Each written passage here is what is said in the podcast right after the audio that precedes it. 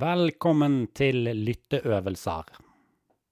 Denne gangen skal du få høre en samtale med Lars Kolstad.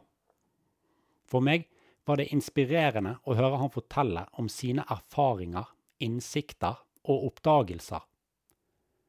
Lars er musiker, trommesirkelfasilitator og en eh, begeistret og begeistrende lærer. Jeg hadde Lars som lærer på ungdomsskolen, og trommesirkelen det er noe jeg husker godt fremdeles.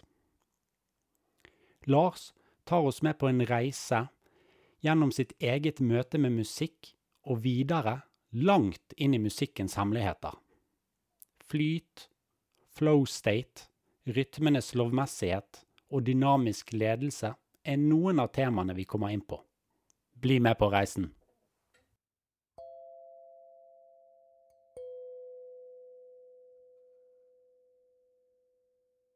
Vi har jo kjent hverandre en stund, eller jeg ble jo kjent med deg som lærer på, på Steinerskolen. Um, en, som en eh, begeistret eh, musikklærer, eh, sånn jeg husker deg. Mm. Uh, og den entusiasmen og begeistringen du har for musikk, Lars, når startet den? Den startet antagelig i spedbarnsalderen. Som jeg tror den gjør med veldig mange barn. Men jeg fikk høre av mor og far at uh, de spilte mye musikk for meg da jeg var barn. Det var ingen av dem som spilte instrumenter selv, men de hadde noe Bl.a. en, en uh, plate fra Andesfjellene med noen sånne fløyteorkestre med noen trommer. Og da var det sånn at um, hver gang det kom til en sånn helt spesiell passasje der, så gjorde jeg noe helt spesielt med kroppen hver eneste gang. Og det var når trommene spilte. Mm. Så de oppdaget vel at jeg hadde en veldig sånn forkjærlighet for trommer. da. At det, at det var noe som traff noe i meg. Så jeg tror jeg drev og trommet litt rundt da jeg var et uh, par-tre år og sånn. Og så tok mor meg med til en musikalsk barnehage. Fordi hun tenkte at siden Lars er så opptatt av å tromme, så må han få liksom komme til et miljø der det går an å få tromme på ordentlig. Så da spurte hun har dere tromme. Ja da, det har vi, sa hun damen. Og så fikk jeg da være med der på, tromme, nei, på musikalsk barnehage.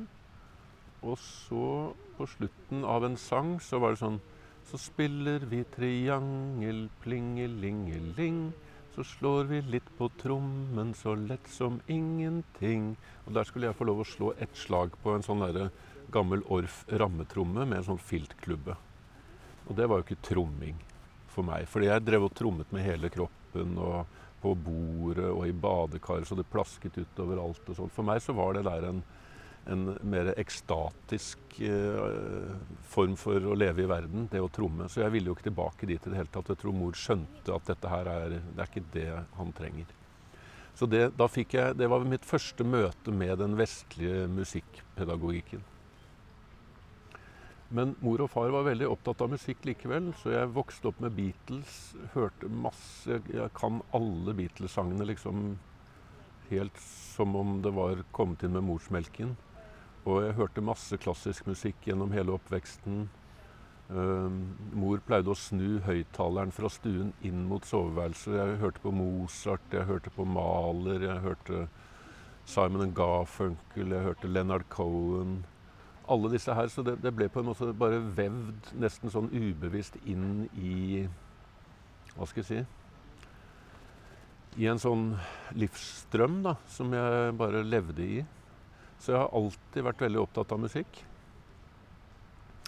Og eh, tromming har liksom igjen alltid vært sånt, en sånn hovedinteresse. Så gjennom hele oppveksten og ungdomstiden og sånn, så var jeg veldig opptatt av dette med tromming. Blant annet så gikk, i, i, Da jeg gikk i første klasse på Steinerskolen på Hovseter, så var det en gutt i klassen som fortalte at vi kunne lage uh, scene til, Vi kan, kunne lage band, for de hadde plass til å lage en scene i kjelleren. Så da dro vi hjem til han etter skolen og drev og ryddet og gjorde klar til scene. Og fikk med en til som skulle være med i bandet, og enda en til. Og sånn holdt vi på, og så solgte vi sånne brystnåler som uh, vi fant nede i kjelleren, som representerte et eller annet vi ikke visste hva var, eller noe sånt.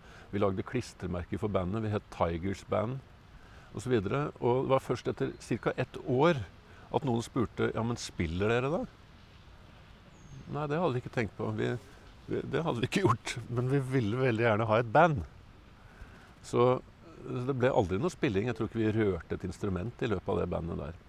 Men så kom det tilbake i nye sammenhenger. Og, og, så lærte jeg meg litt å spille trommesett av en kompis som viste meg noen enkle rytmer og sånn. Og så dro vi hjem til han og spilte etter skoletid. Og etter hvert så fikk vi faktisk et oppdrag på, øh, på Steinerskolen. Da var vi i syvende klasse og hadde hatt syvende klasse disk på julemarkedet. Og så hadde vi gjort det så vanvittig bra. Vi hadde slått alle salgsrekorder Eh, vår klasse og parallellklassen til sammen. Så skolen spanderte en fest på oss. Og Da kom dette liksom frem som et spørsmål om, om vi skulle ha et band der. Og da stilte jeg sammen med to av kompisene. Og vi fikk lov å spille nede i den derre Vet ikke hva man kaller det rommet, jeg, men det er på Steinerskolen på Hovseter. Um, det er sånn glassmaleri i en sånn liten uh, foajé, kanskje det er, rett foran tilfluktsrommene der. Og da husker jeg det var en av lærerinnene som hadde veldig mye motstand mot at vi spilte der, for hun mente vi eh, kom til å ødelegge de eteriske kreftene i rommet hvis vi hadde elektriske instrumenter. Men vi fikk gjennomslag, og hadde da piano, elgitar og trommer, og spilte der for de to syvendeklassene. Og det var eh, skulle gjerne likt å hørt eller sett et opptak av det. Men det var altså så utrolig gøy. Og vi kunne tre eller fire låter, og jeg tror vi spilte dem tre-fire ganger alle låtene. Og stortrommen den gled av gårde utover på dette glatte stengulvet. Så midt i låtene så måtte vi bare stoppe, og så måtte folk hjelpe med å dytte stortrommen tilbake igjen. Sånn at vi kunne spille videre. Men jeg tror mens vi spilte underveis der, så kjente jeg det er dette jeg skal gjøre. Det er dette jeg skal gjøre. Dette, Hvis jeg får holde på med dette, så er jeg et lykkelig menneske. Og det har jeg aldri glemt. Det har liksom brent seg fast. Så det som var da min Hva skal jeg si Min drøm hele tiden fra da av, det var å bli trommeslager. Og Så jeg spilte i litt andre band og sånn også. Hver dag jeg kom hjem fra skolen, så satte jeg meg ned og så skrudde jeg balanseknappen på stereoanlegget helt eh, til høyre. For det, der var den høyttaleren ved siden av trommesettet i stuen. Der hadde jeg lagt på håndklær og tepper og alt mulig, så hun eh, gamle damen i etasjen over ikke skulle frike helt ut. Og så satt jeg rett og slett og spilte til all den musikken jeg likte. Bare satt og spilte til og drømte at det var jeg som var trommeslageren. Så det, eh, ikke noe teknisk øvelse, ikke noe stikketeknikk, ikke noe sånn. Bare en sånn opplevelse av å være midt i musikk.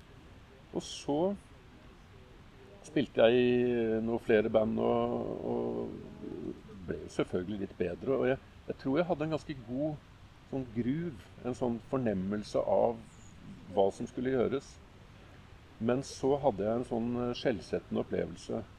Og det var da var jeg kom til videregående skole og spilte i revybandet på Fagerborg, på revyen der. Og da var det en, han orkesterlederen der. Han var veldig dyktig uh, fyr og var profesjonell musiker. Og jeg spilte trommer og syns uh, selv at jeg kom veldig godt fra det. Og på premierefesten så holdt de tale for den ene etter den andre. Og ingen som sa noe om meg. Så tenkte jeg ja, det må jeg tåle. Men så gikk jeg bort til han orkesterlederen og så spurte litt sånn lett henslengt nå. Hvordan syns du det går da? Uh, med hva da? sa han. Nei, med bandet, revyband og sånn. Og så så han på meg, og så sa han med milde øyne Jo, det er en god erfaring å spille med en trommis som ikke gruver. Og det smalt som et knyttneveslag rett i mellomgulvet på meg. Men heldigvis så greide jeg å svelge den kamelen. Og så tenkte jeg liksom Faen heller, altså. Hva mener du med det? Og så spurte han om det. Og det er jeg veldig glad for. Og så sa han at Nei, vanskelig å forklare, men i morgen, så du kan bli med på Josefine og høre på jammen der når Paulo spiller. Jeg hadde hørt om en som het Paolo Vinaccia, men jeg hadde aldri hørt han spille før. eller noe sånt. Og jeg opplevde vel selv eh, enhver annen trommeslager som visstnok var bedre enn meg, det opplevde jeg som en, en, trussel mot mitt eget ego og egen identitet på den tiden der. For det var liksom identiteten min. Jeg, det, jeg, jeg var trommeslager, liksom. Og så kom jeg neste dag der og opplevde Paulo spille på noen sånne gamle, morkne trommer bak der. Og fikk det bare til å koke noe så vanvittig. Det var altså det, det gruvet så Huset sto ikke stille. altså det bare, Folk ble på en måte De ble forheks. De ble Altså Folk kom i transe. Det var, det var så heftig, og alt skjedde i øyeblikket. Og alt ble skapt der og da. Og det bare liksom bare ble blåst av banen. Og siden det så liksom fikk jeg en helt ny opplevelse av hva det var jeg søkte. Så da prøvde jeg å liksom bli sånn som Paulo. da. Jeg tok timer hos Paulo og var hjemme hos ham og drakk cappuccino og hørte på plater. og alt mulig sånn, Men det er klart, jeg kunne jo ikke bli som Paulo. Han var helt unik. Men jeg fortsatte med å spille trommer og eh, ville bli trommeslager.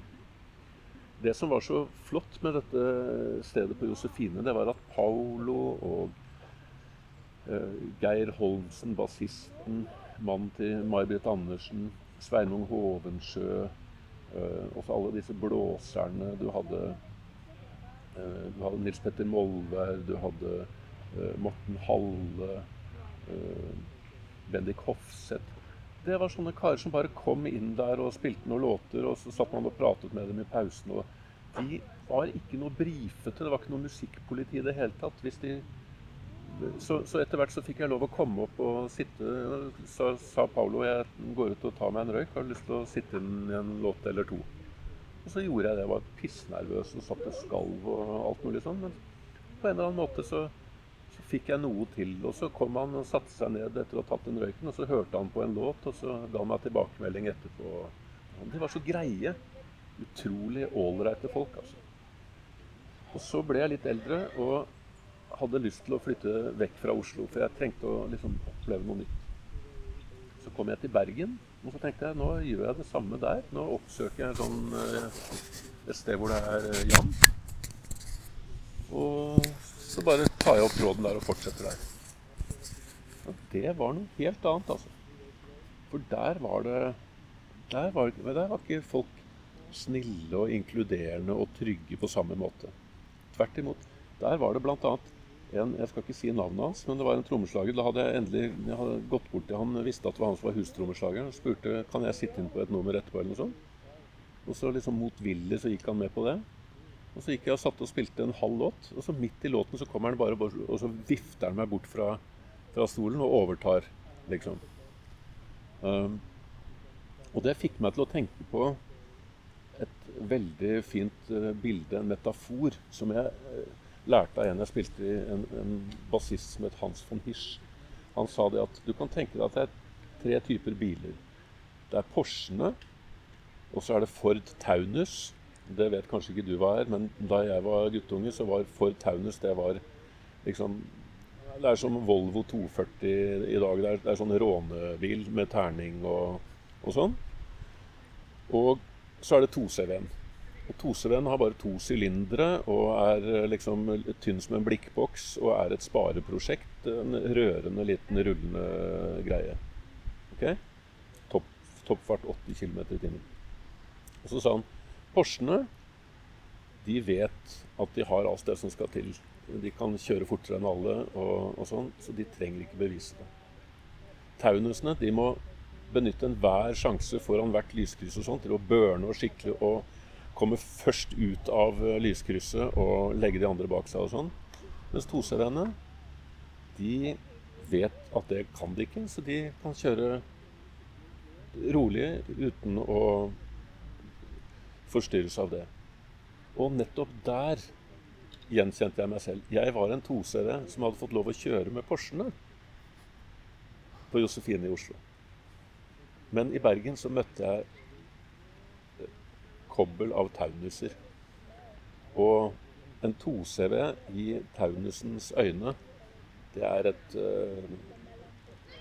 Det er eh, en, en tragisk uh, figur. Ikke sant? Så det var litt sånn jeg opplevde det.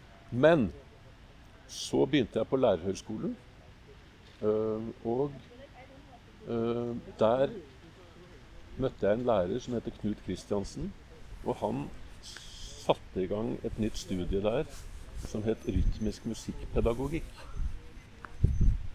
Og han drev med mye øh, karibisk musikk, latinamerikansk, søramerikansk musikk, afrikansk musikk og jazz. Det var han som ledet storbandet der på, på lærerhøgskolen på den tiden. Og der, etter hvert så begynte jeg å spille litt der. Og så tok jeg det halvårskurset der. Rytmisk musikkpedagogikk. Og det var en sånn skikkelig døråpner for meg. For inntil det punktet så hadde jeg trodd at det å være trommeslager, det handlet om å gjøre alt sammen selv. Det var trommeslagerens oppgave å tromme, og de andre skulle spille andre instrumenter. Det han viste meg, som etter hvert har blitt en helt selvfølgelig ting, det er at man kan ta og dele ut de oppgavene som trommeslageren har med sine fire lemmer. Dele det ut til fire forskjellige mennesker og få dem til å spille det på fire forskjellige steder. Du behøver ikke stoppe med de fire. Du kan dele det ut til ti stykker. Du kan dele ut, og du kan lage variasjoner av det. Du kan, kan dele ut oppgaver til en hel klasse.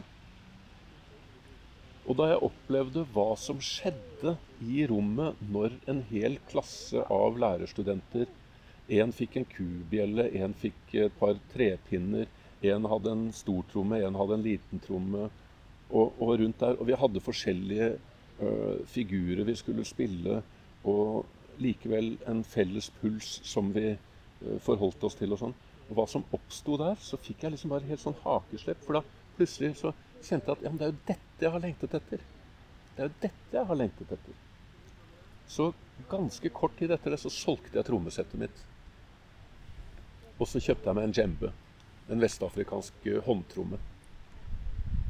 Og det var egentlig veldig smart av flere grunner, for jeg hadde ikke bil på den tiden. Og djemben den kunne jeg ha på ryggen. Sånn at jeg var liksom mye mer selvstendig og mobil. Så da holdt jeg på med djembe et par år. Og så ble jeg kontaktet av en lærerinne på Steinerskolen på Nesttun. Som spurte, om, spurte, hvor jeg skulle jobbe når jeg var ferdig som lærerskolestudent. Og så sa jeg det vet jeg ikke ennå. Da hadde jeg undersøkt litt forskjellige steder. Jeg visste at det, mange av de jeg kjente som hadde gått ut året før, de hadde liksom fått 30% som husstellærer på Nordnes. 30% som gymlærer på Midtun og 40 som uh, kristen KRLE på Bønes, liksom. Det var det man fikk på den tiden. Det var vanskelig å få jobb. Så ble jeg da invitert på en samtale på Steinerskolen på Nesttun, som det da het. Det er den samme som nå heter Steinerskolen på Skjold. Og uh, hun visste at jeg hadde gått på Steinerskolen selv. Hun visste at jeg hadde jobbet eh, på Helgeseter, eh, som er et eh, antroposofisk sted i Bergen, som driver altså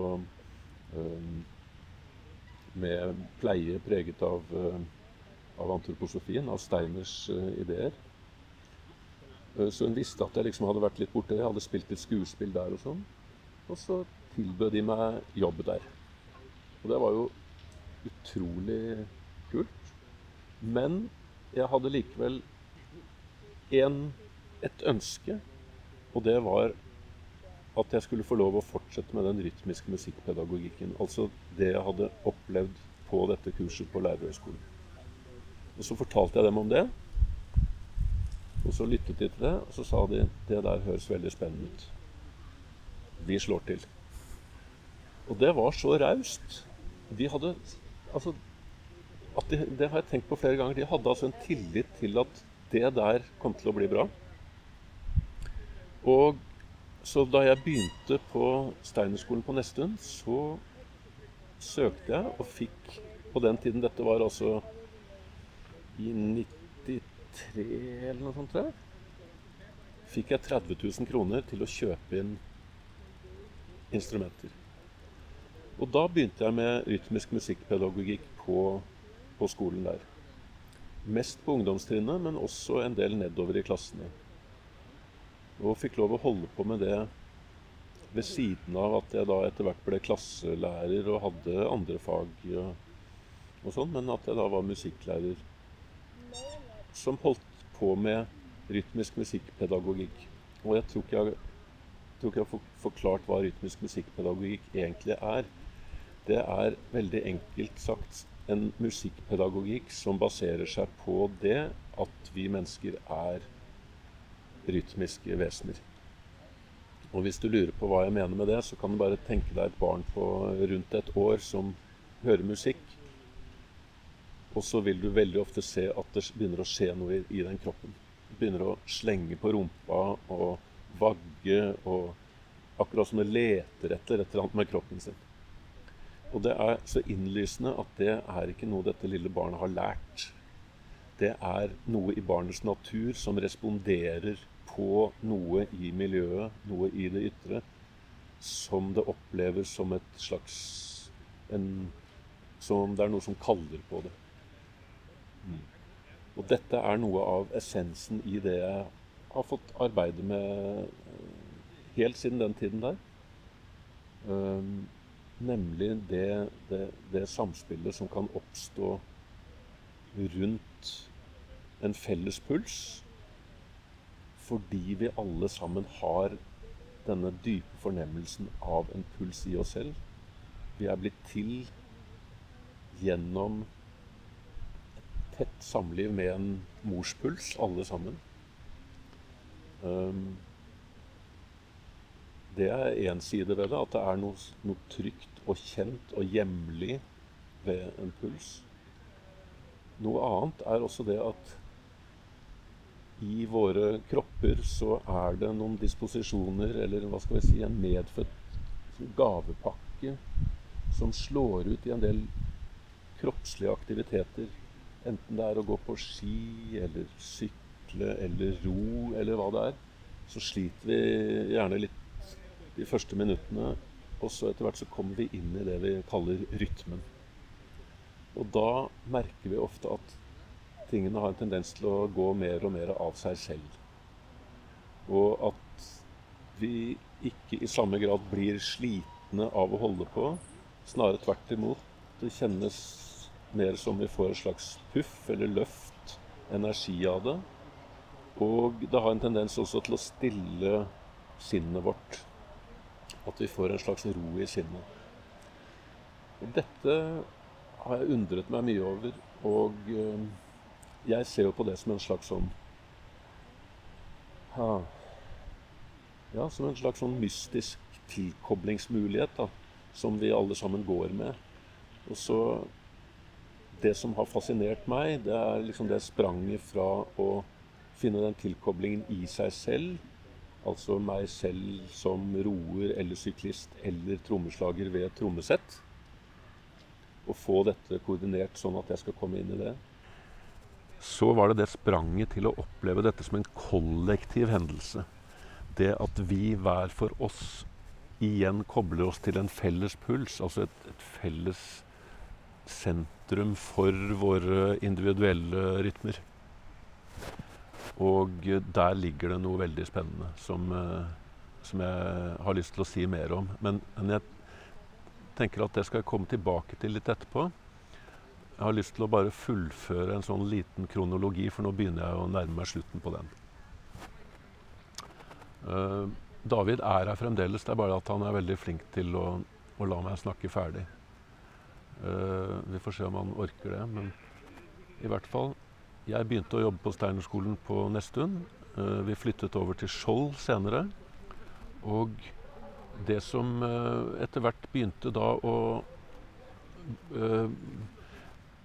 utvikle seg til en slags tradisjon, det var at ungdomstrinnet, som da var 8., 9. og 10., de fikk hvert år et prosjekt i rytmisk musikkpedagogikk. Og dette ble organisert rent sånn logistikkmessig som kunst- og håndverksvalgfag.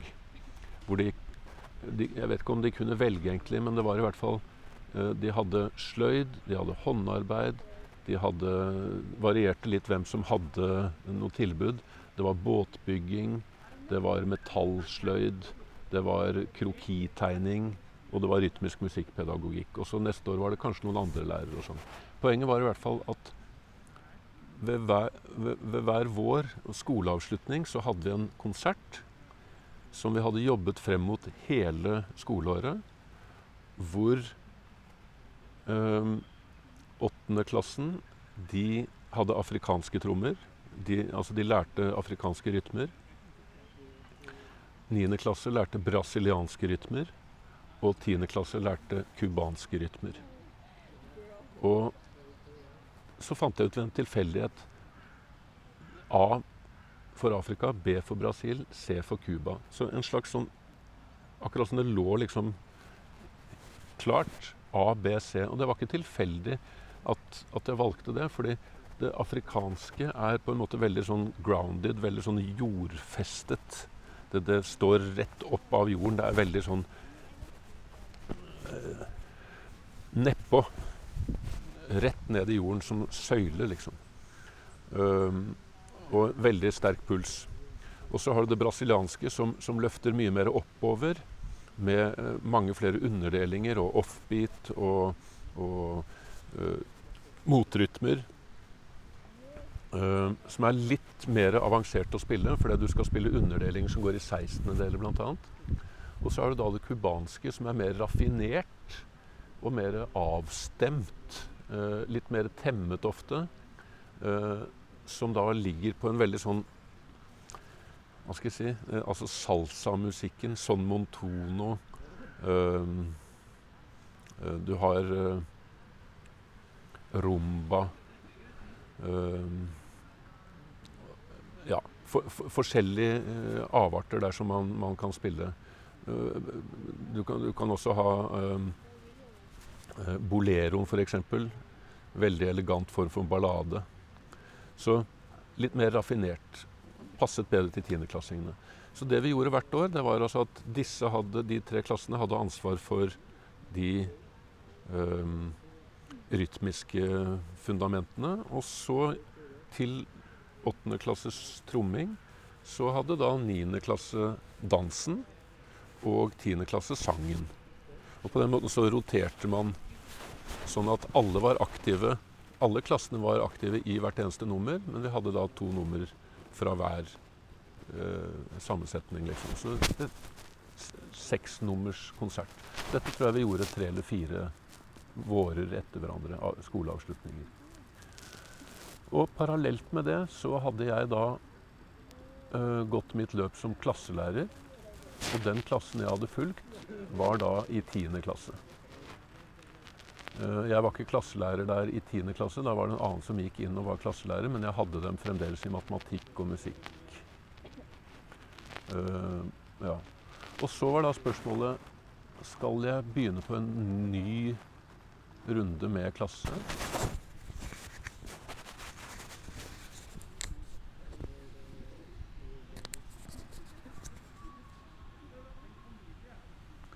Eller skal jeg gjøre noe nytt? Og da var det en, en, en, sånn gammel drøm, og det var jo rett og slett å, å se om jeg kunne prøve å, gjøre dette med rytmisk musikkpedagogikk, trommer, rytmer, samspill, på fulltid. Men jeg så det som helt urealistisk. Men på denne tiden her så Dette var altså i eh, 2004. 2003 var det.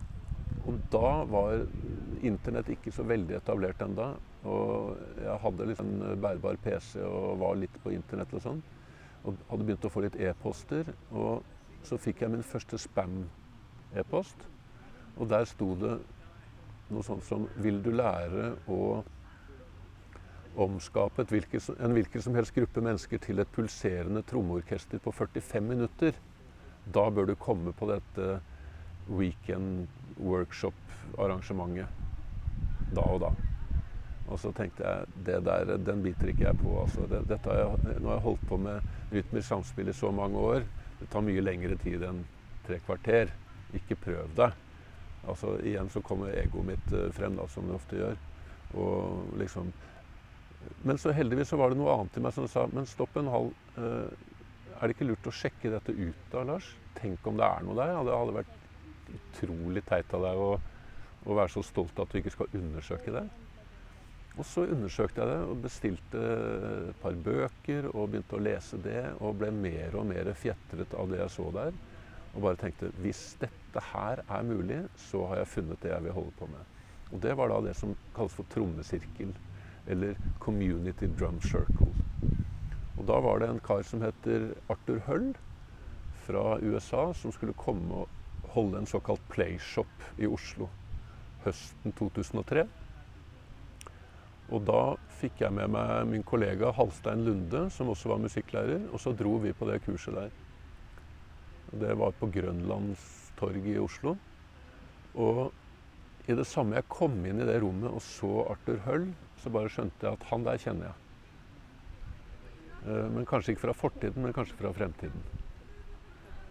Så Arthur eh, ble på en måte en sånn eh, mentor for meg. da. Så allerede etter det kurset der så begynte jeg å legge om undervisningen min, og, og så sa jeg opp på Steinskolen på Skjold. Og så begynte jeg å utforske trommesirkelen. Sånn at jeg gjorde mye av det på lærerhøgskolen, hvor jeg jobbet en del med musikkstudenter der. Og så begynte jeg å arrangere sånne åpne trommesirkler som folk kunne komme på. Og så startet jeg mitt eget firma som het Trom. T-R-O-M. Og så inviterte jeg masse venner og folk og sånn og sa nå har jeg funnet det jeg har lyst til å holde på med. Eh, jeg har lyst til å la dere få være med på det, at dere skal få oppleve hva det er. Eh, sånn at dere vet om det. Og så gjorde jeg det, og ut av det så var det et par som sa at dette kunne jeg tenke meg å gjøre med med f.eks. Kollegiet mitt på den skolen jeg jobber. Og så var det en annen som sa dette har jeg lyst til å gjøre med, med familien min når jeg fyller 60 år. Og så, og så, kom det inn sånne små oppdrag som gjorde at jeg fikk øvet meg, og jeg tok ikke noe særlig betaling for det i begynnelsen. Uh, for jeg tenkte at uh, dette må jeg lære meg skikkelig. Og så etter hvert så uh, fant jeg ut at jeg skulle tilby dette for Den kulturelle skolesekken. Og inviterte lederen for Den kulturelle skolesekken til en trommesirkel på en, en, skole. Og der eh, Ja, så likte de det. Og så plutselig så fikk jeg turneer, og så, og så ballet det på seg. Men da jeg noe, var jeg ikke på Steinerskolen noe særlig. Og så etter hvert så begynte jeg å komme tilbake til Stein og hadde det der. Og nå har jeg vært på videregående Steinerskole på Skjold, hvor vi har uh, en, en, sånn prosjektbasert skole ikke sant? med verksteder og, og, mer å fordype seg i håndverk og, og, prosjekter enn å drive sånn tradisjonell skoleundervisning. Der har jeg vært uh, en dag i uken nå i ja, 10-12 Nei, jeg tror 15 år eller noe sånt. Så det er en sånn slags skoleringsvei for meg, da fra det å skjønne at det er trommer jeg skal holde på med, men å misforstå litt på hvilken måte, til å oppdage en sånn første døråpner, og så den neste døråpneren, nemlig til trommesirkel. Og det er det jeg holder på med nå. Og har gjort det siden 2004. Så det er uh, snart 20 år. Beklager, nå snakket jeg veldig mye. Um, det får du vurdere hvor mye av det du vil beholde. Det var veldig fint. Det var veldig fint, Lars. Og den, den trommesirkelen Jeg har jo vært med på det, men, men hva er det egentlig? Ja, veldig enkelt forklart så er det en sirkel hvor folk har trommer, håndtrommer fortrinnsvis, og perkusjon, altså rytmeinstrumenter. Så det kan være trepinner man slår mot hverandre. Det kan være frosker man klør på ryggen og banker på nesen. Det kan være bjeller, kubjeller, uh, afrikanske kubjeller, uh, brasilianske agogobjeller. Det kan være triangler, det kan være klokkespill. Altså alle slags metallklanglyder. Og så har du da risteinstrumenter av forskjellige typer. Både tamburiner og, og Du har den derre Hva heter den? Sjekere, altså en stor kalebass med, med masse skjell utenpå, sånne nett. Og så har du den maskinlagde kabassaen, og så har du masse forskjellige shakere med ting inni. Så det er liksom trommer, og så er det de tre perkusjonsgruppene der. Nå greide jeg å stoppe. Ja, jeg skal prøve å sette deg i gang igjen. Nei, ikke gjør det, for jeg mister meg selv helt. Ja, men, men sånn for, for Jeg kunne jo tenke Ja, men hvor, hvor, hvor, annerledes var det egentlig fra det du holdt på med før? Hva, hva er liksom Ja, hva var, hva var det som var annerledes, opplevde du? Ja. Eh, det som var annerledes, det var jo en, en, en tillit til at musikken som skal komme, den kommer av seg selv. Ut av øyeblikket og ut av uh, en slags kommunikasjon, et møte med hverandre gjennom en skapende aktivitet. Mens uh, jeg hadde tatt som en selvfølge tidligere uh, innenfor den rytmiske musikkpedagogikken at det må finnes et musikalsk materiale som vi lærer oss. Det var sånn jeg hadde jobbet, og det var vanvittig gøy for all del. Og jeg, jeg elsker å holde på med det fremdeles også. Men jeg hadde ikke sett muligheten av å, å, ha, å, å rett og slett eh, engasjere seg i øyeblikksmusikk og faktisk bli grepet av det og båret av gårde på det. Øyeblikksmusikk trodde jeg var pling plong og eh, noe man kunne holde ut en liten stund. Eh, skramleorkester. Men så viste det seg at det skjedde noe. Det var noe i oss som dukket opp og som øynet mulighet til å skape noe meningsfullt sammen. Og som tok over, på en måte.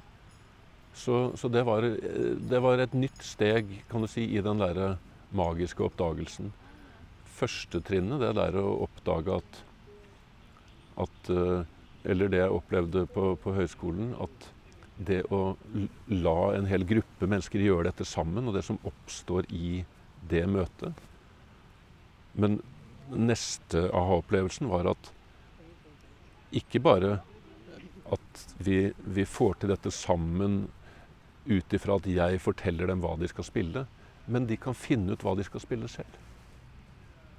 Og så tenker man kanskje at jo, men da må det jo være musikere da, som har litt erfaring. Men det er det som er så radikalt. Nei, trenger ikke det engang. Og det høres jo ut som oppskrift til fullt anarki og kaos. ikke sant? Så det var en nærmest sjokkerende og samtidig veldig uh, Hva skal jeg si uh, altså Det var noe som Jeg ble høy av den opp, oppdagelsen. At det faktisk er mulig.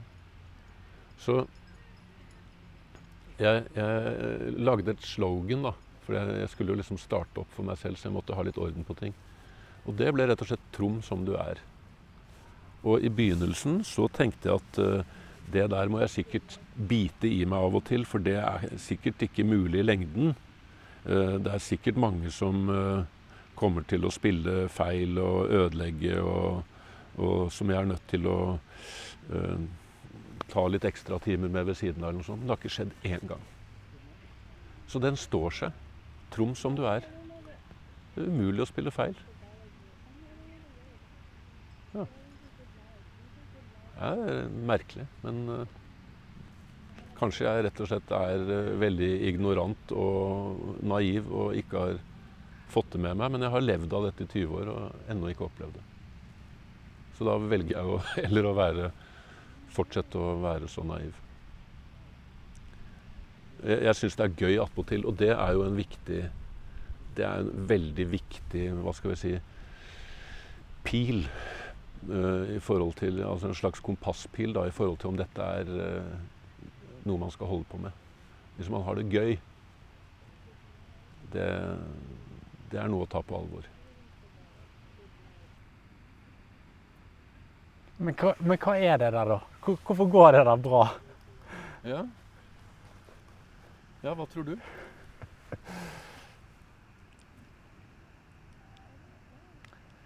Ja, sant. Det, det, det ene må, som kan jo være at eh, det er du som eh, Den åpenheten og romsligheten du har til skulle si, Når du sier at det, var, det er ingen som har spilt feil.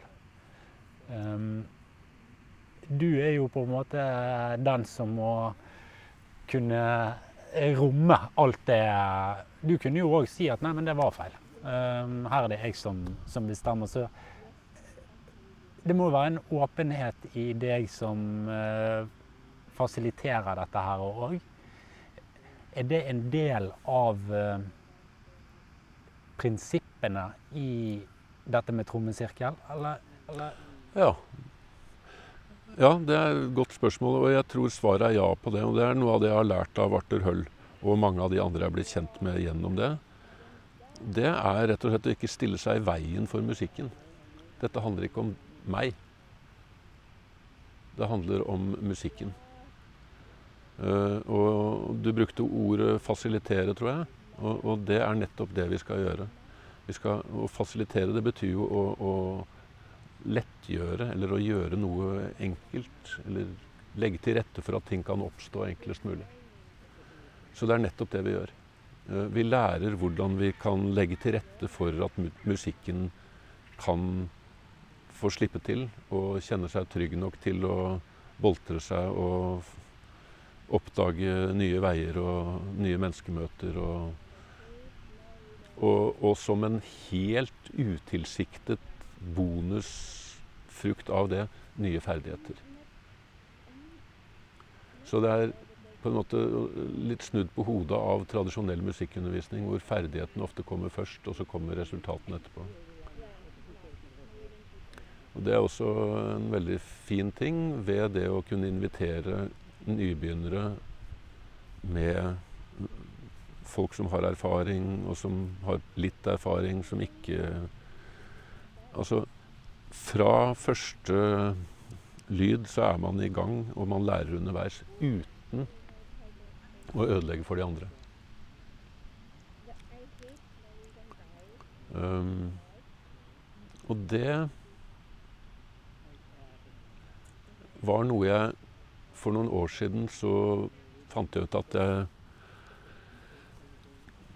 hadde opplevd så mange spennende fenomener, da, hendelser eh, Hva skal jeg si Smått sjokkerende oppdagelser gjennom arbeidet med trommesirkelen at jeg fikk lyst til å stoppe opp og grave litt under overflaten og, og prøve å undersøke litt mer. Hva, hva, hvordan henger dette sammen? Egentlig det spørsmålet du stilte i stad. Hvordan er dette mulig? Så da uh, meldte jeg meg opp til et masterprogram i musikkpedagogikk ved Høgskolen i Bergen. Og så fikk jeg lov å skrive en uh, masteroppgave om trommesirkelen. Hvor spørsmålet var rett og slett hvordan er, dette, hva, hvordan er det mulig? Eh, hva er det som trer i kraft? Hvilke fenomener er det som inntreffer eller vitaliseres eller uh, vekkes til live gjennom en sånn aktivitet som det der? Og da var det særlig én teori som jeg hadde veldig mye igjen for, og det er det som kalles for flow theory. Um, som en ungarer som het uh, Mihau uh, Csikszentmihalyi. Som da, veldig kort fortalt, så jobbet han med dette her i 30 år faktisk, med å samle inn data fra over 200 000 mennesker i forhold til når Hva, hva kjennetegner de opplevelsene eller de øyeblikkene i livet hvor du kjenner deg lykkelig, øh, og på plass og der du skal være, at livet er godt. Uh, og det som kom inn som en ganske sånn tidlig indikator på det, det var det de kalte flow. Nemlig at du er så oppslukt av det du holder på med, at du glemmer tid og sted. Uh, og kanskje også at man er sulten og tørst og hva det måtte være. Og at det er Og, og, i det så lå det også at det var eh, på engelsk 'rewarding'. At selve aktiviteten i seg selv var belønningen for aktiviteten. Man gjorde det ikke for å oppnå noe annet. Belønningen lå i aktiviteten. Og dette kalte han autotelisk. Auto selv og telia mål, så at målet ligger i aktiviteten selv. Og så er da spørsmålet hva, hva slags aktiviteter er det som kan være gunstige for flow? Og en av de tingene som bl.a. overrasket meg, det er at det er bl.a. særlig mange kirurger som oppgir at de har et yrke som gir dem veldig mye flow-opplevelser. Hvis man tenker på hva som kjennetegner oppgaven til en kirurg, så er det en kombinasjon av at det er mye på spill. Det er krevende. Men du har en høy kompetanse. Og i dette spenningsfeltet mellom den krevende oppgaven og den høye kompetansen, så oppstår det en sone som man da kaller for flow-sonen. Um, så det med kirurgene det var bare for å vise til ett eksempel, men, men uh, det er absolutt ikke forbeholdt kirurger. Uh, flow, eller flyt, som jeg liker å kalle det, det oppstår Eller den sonen der, den oppstår i spenningsfeltet mellom det som er for vanskelig og for enkelt på den ene siden, og på den andre siden kjempehøy kompetanse og manglende kompetanse. Så du kan tenke deg at det er to akser. Den ene handler om vanskelighetsgrad, og den andre handler om kompetansegrad. Og da kan vi begynne med liksom det utypiske, da, eller det som ikke er flyt. Og det er jo hvis du har lite kompetanse. Hvis du skulle, eller jeg enda verre, blir satt til å operere en hjertepasient, så ville jeg fått panikk. Ikke sant? Men hvis en hjertekirurg uh, fikk i oppgave å fjerne en liten flis, så kan det hende at de syntes det var ganske kjedelig. Ikke sant? Så nå tror jeg vi skal legge kirurgen bort. Eh, fordi det kan Eller så kan dette bli farget av for mye som ikke trenger å farge det.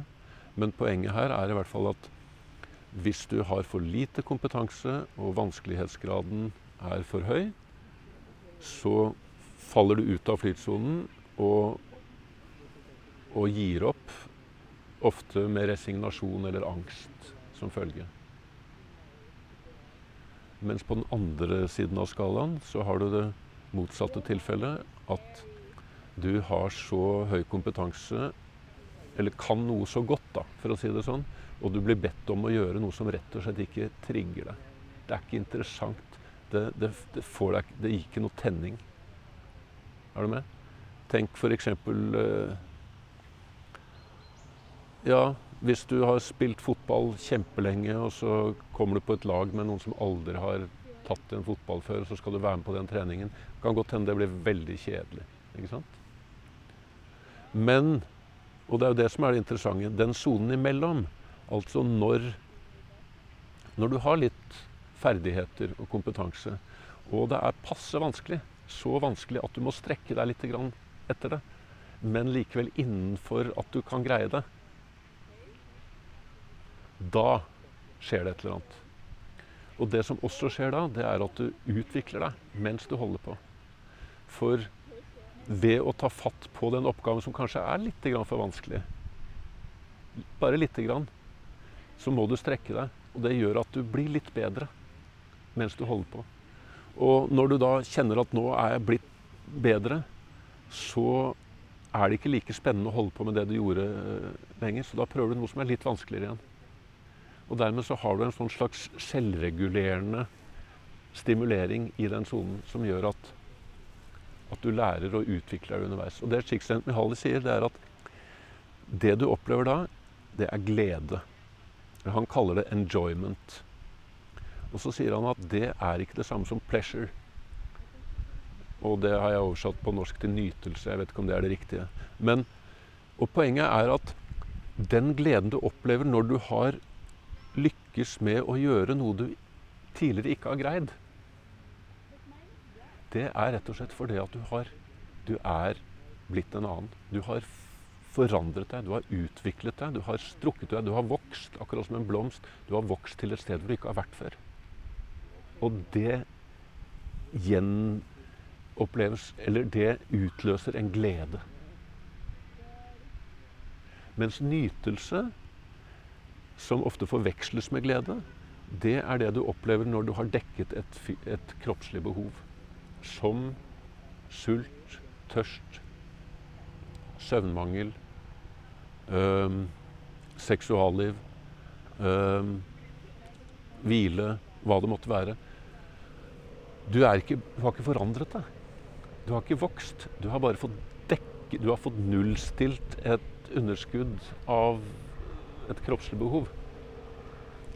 Og så sier han at det er mange som blander sammen disse to tingene. Så de tror at glede er det samme som å ligge på sofaen dagen lang og spise chips og se på TV.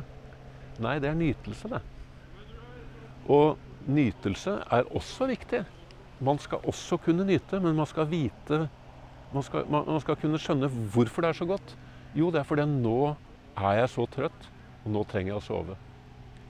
Men når du så har våknet Hvis du da tenker nå har jeg lyst til å nyte litt mer, og legger deg ned igjen, så er det ikke nytelse. Er du med? For det, det kroppslige behovet er dekket. Så det er rett og slett noe som kjennetegner det med flyt. Og, og så sier han også at flyt, altså ferdigheter eller utvikling som skjer i flyt, den skjer raskere enn ellers. Og hvorfor det? Jo, fordi det er, det er orden i sinnet. Det er orden i bevisstheten din. Fordi aktiviteten er så krevende at den, den krever hele din oppmerksomhet. Så det er ikke noe som får plass til å drive og forstyrre deg eller trekke deg ut av det. Og dermed så er du 100 til stede i det du gjør. Bare tenk på et barn som prøver å lære seg å krabbe. Eller åle seg eller å gå. Hvis det lurer seg inn én fremmed tanke eller noe i der, så klapper det sammen. Mm. Selve, selve aktiviteten eller selve utfordringen krever hele din bevissthet.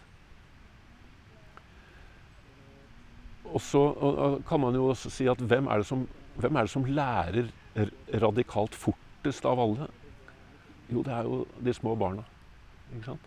Og de er i flytsonen også når det gjelder Tenk bare språk. Hvordan de fanger opp og omsetter det og bruker det hele tiden. Og det er hele tiden med fallhøyde. Barn er så vant til fallhøyde, ja, rent bokstavelig. De er vant til å falle i gulvet. I begynnelsen har de litt støtdemping pga. bleiene, men etter hvert så har de ikke det. Men de har ikke så høy fallhøyde som vi voksne. Men det er ikke der det ligger. Det ligger i at de er vant til å hele tiden være i den sonen. Så de vet at jeg kommer ingen vei hvis ikke jeg våger meg ut på fremmed territorium. Så det er Jeg sidde feil vei. Eller man, man, sier ting på feil måte. Ikke sant? Og, og, så lærer man, og så fanger man opp det, og så går man videre. Mm? Så feiling er en uatskillelig del av tilværelsen. Og i det så ligger det også et så enormt læringspotensial. Mens jo mer formet vi blir av skolegang og hva som er korrekt og riktig og osv., jo mer redd blir vi for å gjøre feil. Og da slutter vi å lære. tror jeg, da, ikke sånn absolutt, men i en stor grad. Jeg, jeg, tror at læring og feiling er to sider av samme sak. Så, og, og, her kom vi inn på mange av de tingene jeg lærte Arthur Høll. Han sa i stedet for um, Han sa there, there, are no mistakes. It's only uh, learning moments. Uh, det var en ting som jeg prøvde å inkorporere i måten min å, å fasilitere trommesirkler på også. Se på enhver ting som hendte, som en viktig hendelse som det lå et læringspotensial i. Og Det er en holdning. Det, nå er det blitt en holdning som, som, som, ligger der. I begynnelsen så måtte jeg bevisst innarbeide den holdningen, men etter hvert så, så er den blitt naturlig for meg. Og grunnen til det er fordi at den har, virk, den har vist seg å fungere. Den, den, det har vist seg å være sant. Av alle de situasjonene som jeg tidligere ville kalt feil, så har det oppstått nye aha-opplevelser, eh, oppdagelser, læringer, eh, innsikter osv. Så, så det er én ting som eh, eh, Du spurte om det var noe med måten å fasilitere på. En annen ting som han sa, det er 'use what they give you'. Med andre ord, hvis man har en person i trommesirkelen som ikke har så stødig pulsfornemmelse, OK, det er en gave. Se på det som en gave. Her er det noe som har noe å gi deg. Hvordan kan dette innlemmes og bli til noe som alle kan ha noe igjen for, også han eller hun? Eller her er det en som har veldig lyst til å vise hvor god han er eller hun er på trommen, liksom. OK, det er også en gave. Hvordan kan det bli en gave til oss? Jo, vi legger det opp på en sånn måte at uh, vi slipper til vedkommende til å spille solo. Og får virkelig frike helt ut. Og gjerne så lenge at uh, han eller hun blir mett.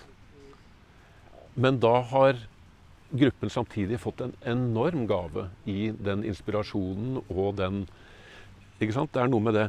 Eh, akkurat som et kor med en solist foran. ikke sant? Man, man, solisten gir noe tilbake til koret, og koret gir noe, en, en plattform, en støtte, et grunnlag for solisten. Så det å lære å se på enhver hendelse som en potensiell gave Use what they give you. Um, og mange andre sånne sayings da, som, som, um, som jeg etter hvert har prøvd å inkorporere i måten jeg gjør dette på. Um, ja. Jeg kommer jeg, Det finnes jo mange sånne, men jeg har ikke lyst til å ramse dem opp nå liksom bare fordi vi kom inn på det. Men, men er det en av dem som blir aktuell, så, så, kommer den. Ja, du må stoppe meg, David. Dette bærer galt av sted. På, på, ingen måte. På ingen måte. Jeg, jeg vet ikke hvis jeg sa det, men jeg har kalt dette her eh, prosjektet for lytteøvelser. Ja. Det er min tur til å lytte litt. Uh, nei, for jeg, jeg, hadde lyst til å høre igjen. Du nevnte de to aksene. Og jeg lurte på, er det en akse her man kan kalle form og frihet òg? Ja. Og, det er veldig spennende. Og hvordan, for der tenker jeg det er du som fasilitator òg. Eh, hvor mye form gir du til, til dette, og mm. hvor mye frihet? Veldig viktig poeng. Da har jeg lyst til å bruke et helt konkret eksempel, og det er puls. Fordi jeg bruker ofte en pulstromme. Eh, en stor tromme med en ganske dyp lyd som resonnerer godt i mellomgulvet. Eh, hvis jeg begynner å spille en puls som er sånn som dette her Dunk, dunk, dunk, dunk, dunk, dunk, dunk, dunk, dunk, dunk. Og inviterer folk til å hive seg med og spille sine egne rytmer og improvisere så vil det sjelden avstedkomme noe særlig fruktbare former for samspill. På den annen side, hvis jeg sier dunk Dunk. Dunk. Dunk. Så vil det også sjelden funke særlig bra. Og hvorfor? Hvorfor disse to ytterpunktene? I den første er det form.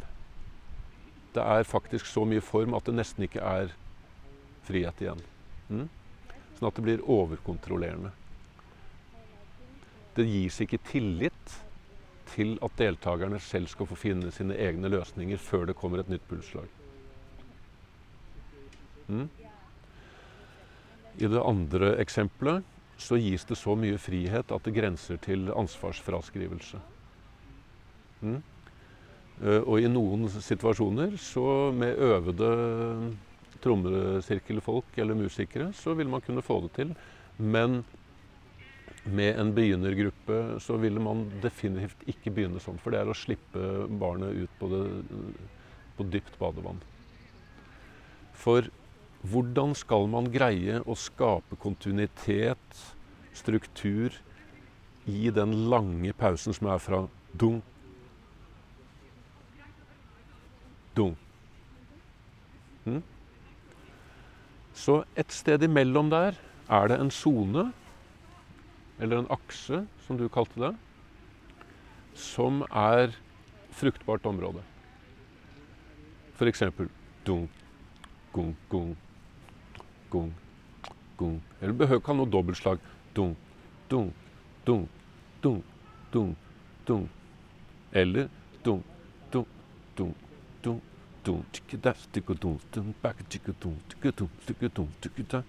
relativt høyt tempo. Eller vi kan ha litt lavere puls.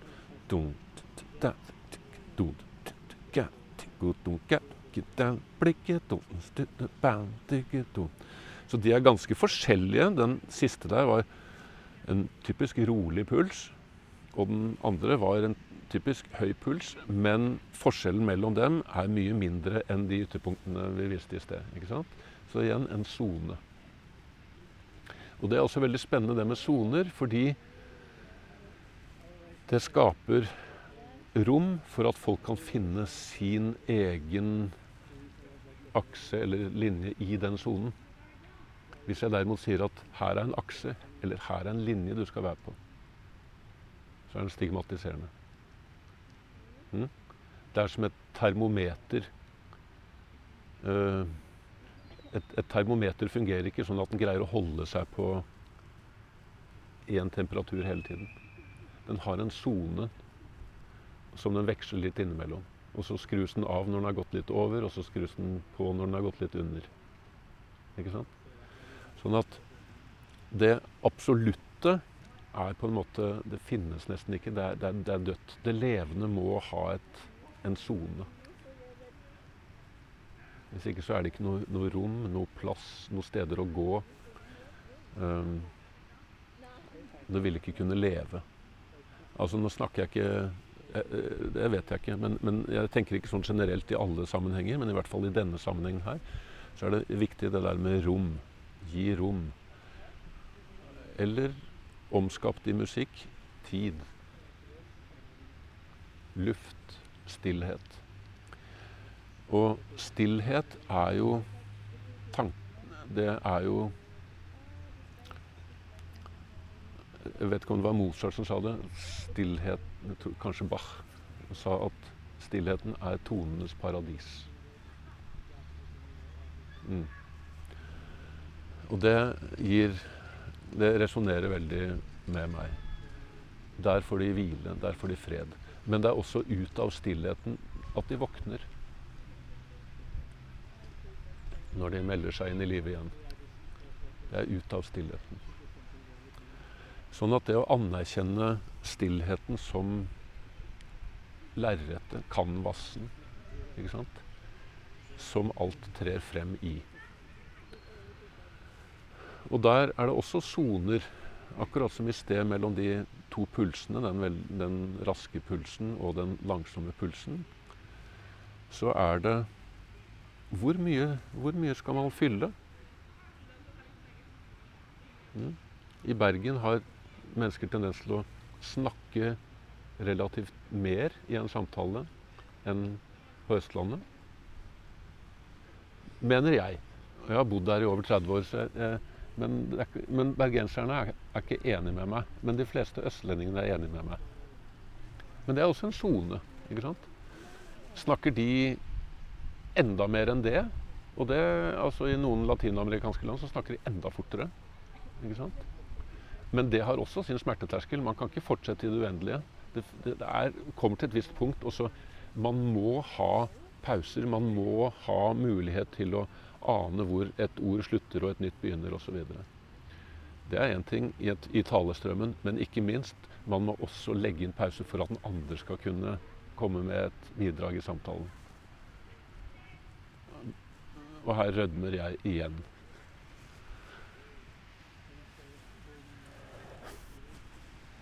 Ja, men jeg, jeg har jo eh, spurt deg om dette akkurat nettopp fordi jeg har lyst til å, å høre fra deg, da. Så um, selv om det er fint å ikke ha sånn streng intervjuform på det, så, um, så er det jo min uh, intensjon å, å høre noen av dine perspektiver og erfaringer. Hmm. Var det en tråd vi hadde? Så um, jeg var vel eh, vi, vi var på trommesirkelen, sant? og så spurte jeg litt om, om hvor mye som um, Hvor mye som hadde med um, fasilitatoren å gjøre, tror jeg. Det var i hvert fall litt det, Mm. det jeg følte vi kom inn på nå, og, og som kanskje var litt av bakgrunnen for uh, spørsmålet mitt òg. Hvor, hvor mye av dette her er metode Mm. og teknikk, Mm. og hvor mye er så å si dine eller fasilitatoren sine eller læreren sine Mm. bare personlige egenskaper. Og du, du var jo inne på det, sant? Med, både med aksene som, og formen her, men uh, du nevnte òg holdning. Ja. At du, du måtte øve og endre litt din holdning. Ja. Eh, og det var vel litt Ja, det var vel litt der vi, vi, vi startet òg, sant? Ja. jeg spurte Ja. om eh, hvor mye av det som var hva, Ja. deg, og hvor mye som var bare en formen, ja. Og, det, og det, akkurat nå mens du sa det, så, så slår det meg at det har også vært som en slags flytsone for meg. da. Det å våge å ta på alvor disse holdningene. Eh, For det å tenke at det er umulig å spille feil for en musikklærer å ha den innstillingen, eh, kan være ganske skremmende i begynnelsen.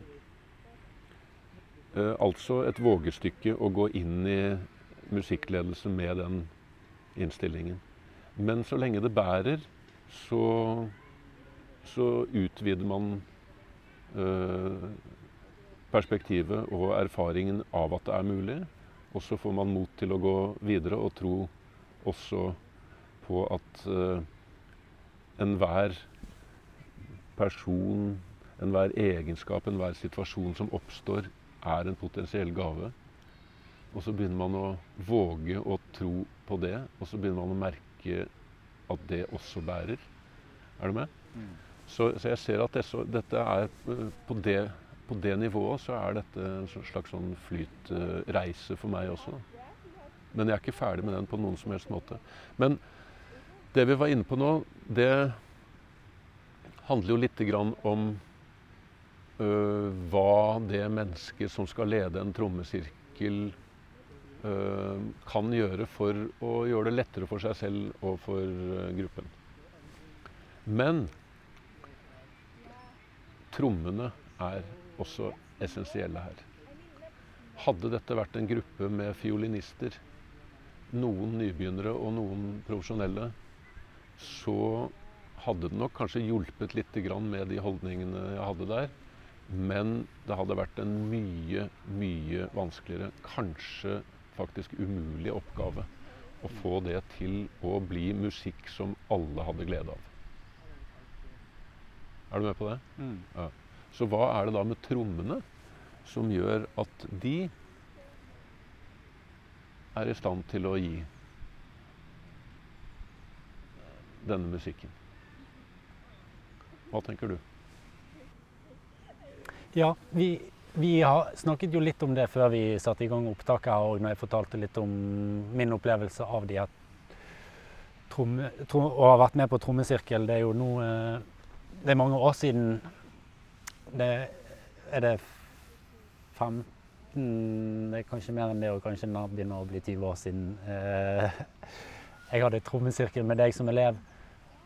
Men eh, ja, og da sa jeg det. Det, noe, det ene er sirkelen. Det, det andre var trommene som jeg liksom husket som en sånn eh, På en måte en, en sånn utjevnende eh,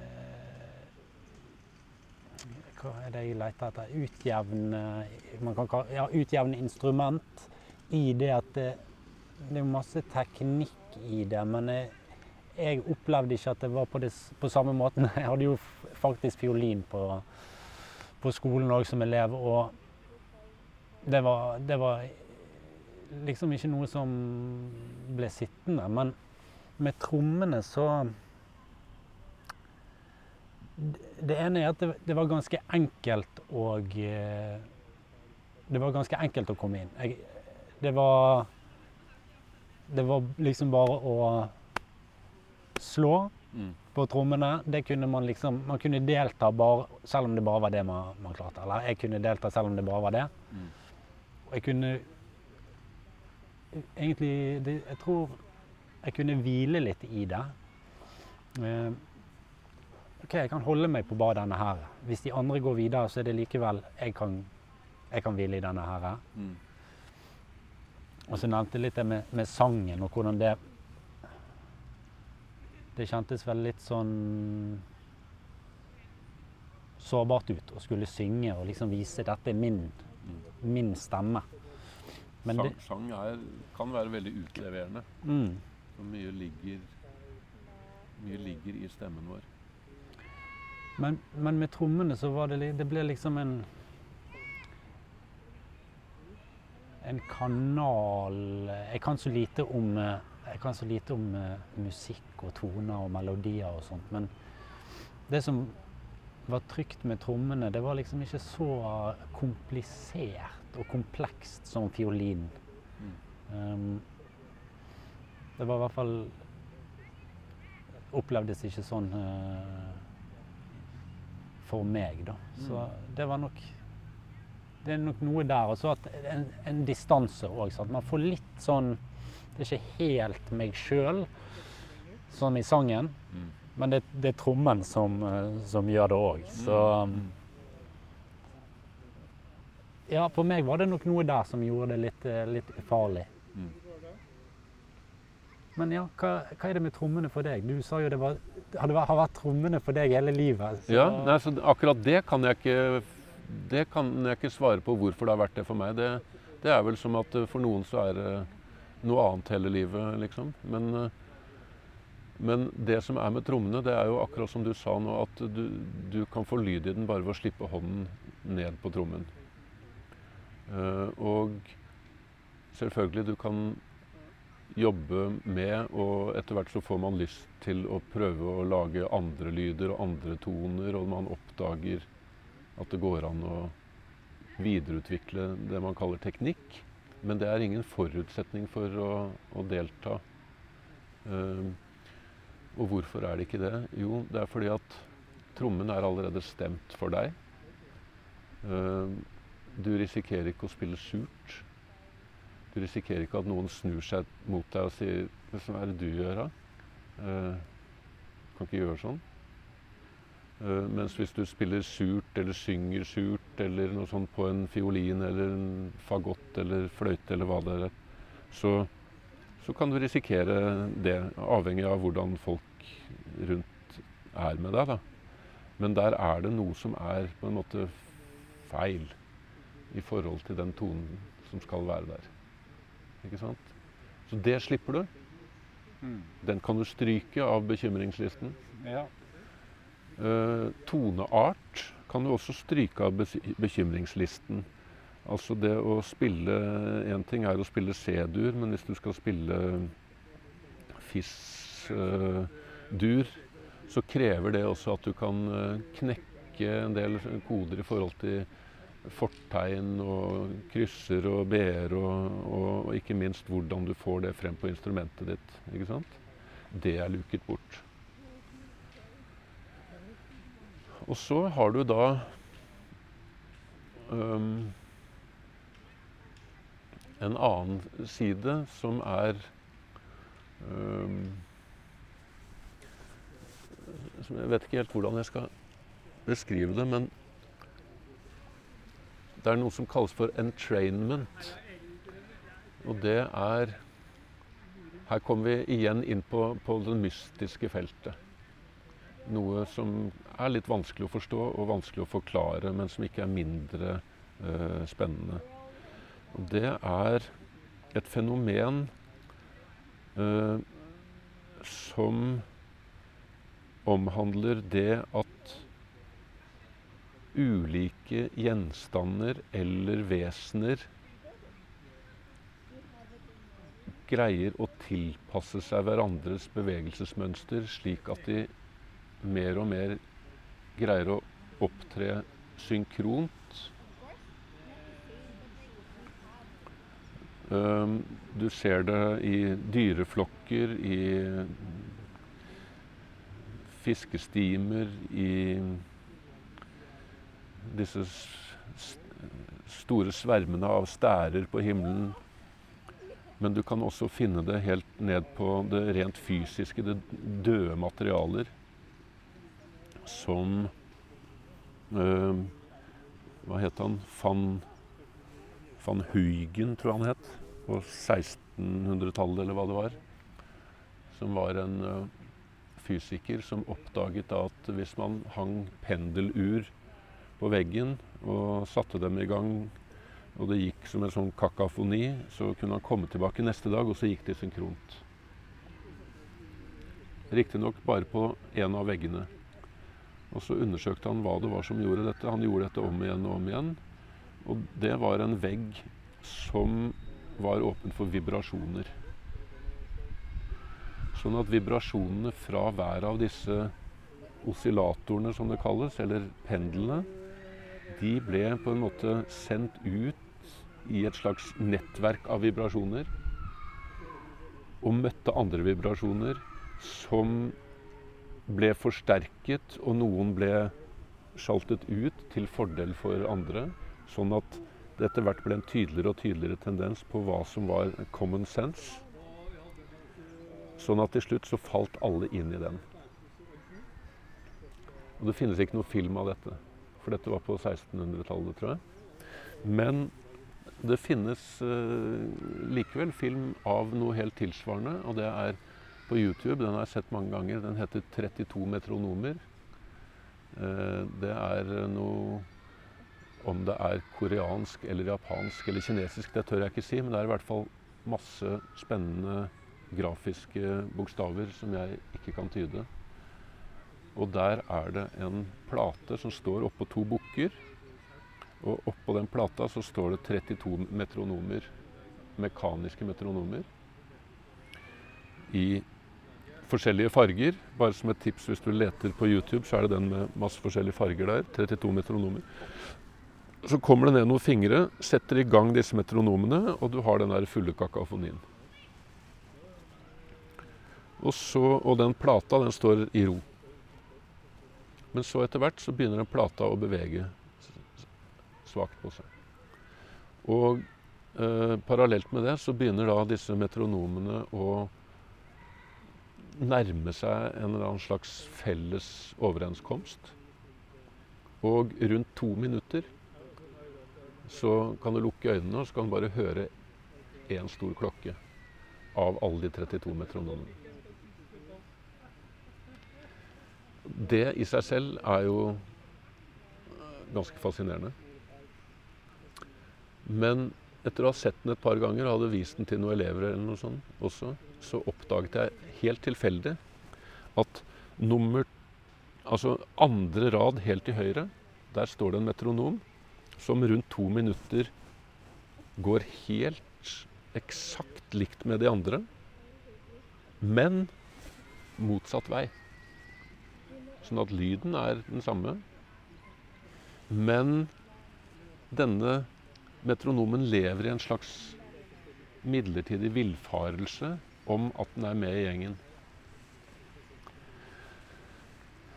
Men den, liksom, den, er, den møter de andre liksom bare én gang i uka, mens de er sammen hele uka, de andre. Ikke sant? Her er det jeg som uh, animerer det med mine egne følelser og tanker. Og så skjer da det at denne metronomen oppdager det. Oi, dette er visst ikke helt Det er visst et eller annet som mangler. De, har, de deler noe som jeg ikke er med på. Og da skjer altså det utrolig at den ene metronomen oppgir den pseudotilhørigheten som den hadde, som tross alt er en forutsigbar tilværelse, og begir seg da ut på en vandring uten å vite hva som er opp og ned og øst og vest eller noen ting, for å finne den større og dypere tilhørigheten med flokken. Og så går det husker ikke om det er et halvt minutt, eller noe sånt, og så er den da forent med resten av flokken. Og da forblir de der. Ja. Entrainment. Og dette kan altså skje helt ned på det rent fysiske. Døde gjenstander. Mm. Uh, og hvis vi da går tilbake til dette barnet som står og gynger, uh, som er ett år og gynger med bleiebuksene godt ned på knehasene fordi noen spiller eller hører noe på radioen eller noe sånt, så kan vi igjen spørre, spørre oss om det, hva er det som kaller på dette barnet? Og det er der jeg våger meg på den påstanden at det er flokken. Flokken kaller. Og noe i barnet svarer. Og det er begynnelsen på det som gjør trommesirkelen mulig. Vi har en felles puls. Vi har alle denne hva skal vi si, denne enheten i oss som er en del av flokken, som våkner i oss. Flokken kaller. Men i stedet for at vi alle sammen skal sitte og spille bom, bom, bom, bom til en felles puls, som jeg ikke anbefaler folk å oppleve engang, fordi det er skremmende. Det gir sånne assosiasjoner til 1984 og til ting som skjer eh, andre steder i verden i dag. Nemlig det vi kaller totalitære styringsformer. Der ingenting annet enn det som blir påbudt ovenifra, er lovlig. Så det er ikke dit vi skal. Men det at vi har denne kollektive forankringen, vi deler denne pulsen, det gir oss også en trygghet, et møtested, en tilhørighet. En si, en slags kollektiv bevissthet. Men til denne kollektive manifestasjonen av den kollektive bevisstheten kan hver av oss tre inn med vår egen rytme. Med andre ord vår egen individualitet. Og ikke bare kan vi det, men vi vinner så mangfoldige ganger på det. For det er det som skaper takhøyde. Det er det som skaper frihet. Det er det som skaper gjenkjennelse, speiling, møter, inspirasjon, utvikling, lytting, nysgjerrighet, det er at vi er forskjellige. Så det å ha denne pulsen i midten av det hele som en felles forankring, det gir oss en motvekt, akkurat som en kjøl i en seilbåt gjør det mulig for båten å krenge. Fordi den har noe som holder det nede og får det til å holde seg på rett kjøl, bokstavelig talt. Så det gjør at takket være den pulsen, så kan jeg spille min rytme, og du kan spille din rytme, og hun kan spille sin rytme, og hun kan spille sin rytme, og han kan spille sin rytme. Og fordi vi har samme puls, så er de i familie likevel. De har samme opphav. Er du med? Ja. Og dette er også en sone. For det kan, ikke sant? Som jeg sa, hvis alle sitter og spiller bom, bom, bom, bom, bom, det er ett ytterpunkt. Da har vi det totalitære. Men hvis vi ikke har noe felles forankring, og alle bare sitter og spiller sin rytme uten å ha noe felles forankring, da har du ren individualisme. Enhver skal seile sin egen sjø. Enhver er sin egen lykkes smed. Jeg trenger ingen andre. Jeg kan greie meg selv. Jeg skal ha min egen snøfreser, min egen uh, brusmaskin, min egen uh, steamer, min egen høytrykksspyler. Alt mulig. Jeg skal ikke Jeg skal greie meg selv. Jeg trenger ingen andre. Ikke sant? Uh, og hvor vi blir dypt sett, dypest sett ensomme. Og vi savner et fellesskap som vi er hjelpeløse i å melde oss inn i. Før den dagen høytrykksspilleren går i stykker og vi går bort til han der naboen som vi ikke har villet snakke med, og sier at du, hadde det vært mulig?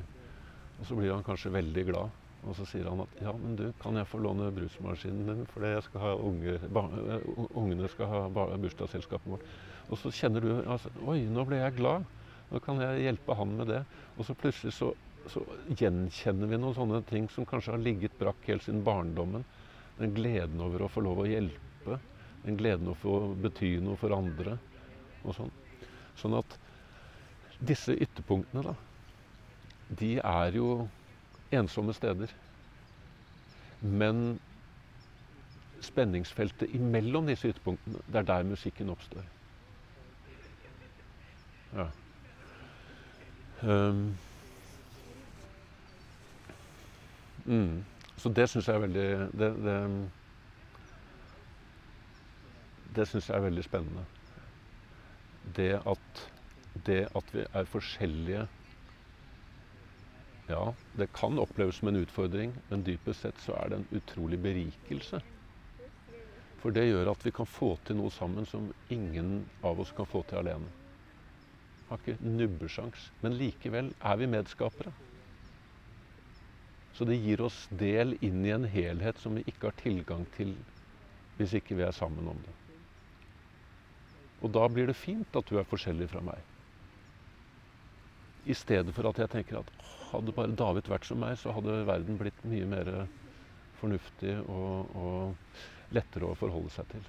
Nei, det hadde jo hadde ikke blitt bedre i det hele tatt. Og for meg så blir trommesirkelen en slags levende metafor for den formen for sameksistens. Den, den formen for utfylling, gjensidig berikelse og, og, glede over å tilhøre noe som er større enn en selv. Og dette finnes det også et begrep for. Uh, Ester og Victor Turner, uh, som jeg tror var pionerer innenfor sosiologien, de kalte det for communitas. Og det er betegnelsen på den kollektive erfaringen av å være ett. Eller vi kan si en kollektiv bevissthet. Da.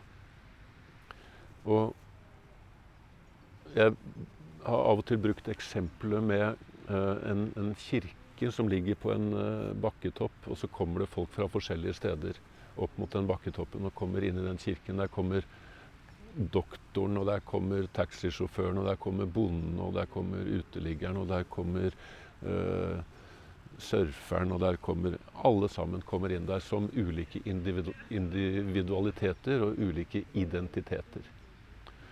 Og hvis de da virkelig vil til den kirken, så er det kanskje fordi de opplever at i den kirken så oppstår det noe som de alle sammen lengter etter. Nemlig å bli del av noe større. Så når de kommer inn der, så hvis dette er en god, uh, hvis dette er en god dag i kirken, så opplever de at min identitet mer og mer trer i bakgrunnen og blir mindre og mindre vesentlig.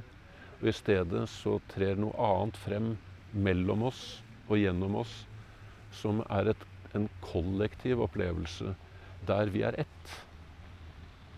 Vi deler dette. Jeg vet at mange som synger i kor, kan fortelle om en lignende opplevelse. At man, man opplever seg som ett.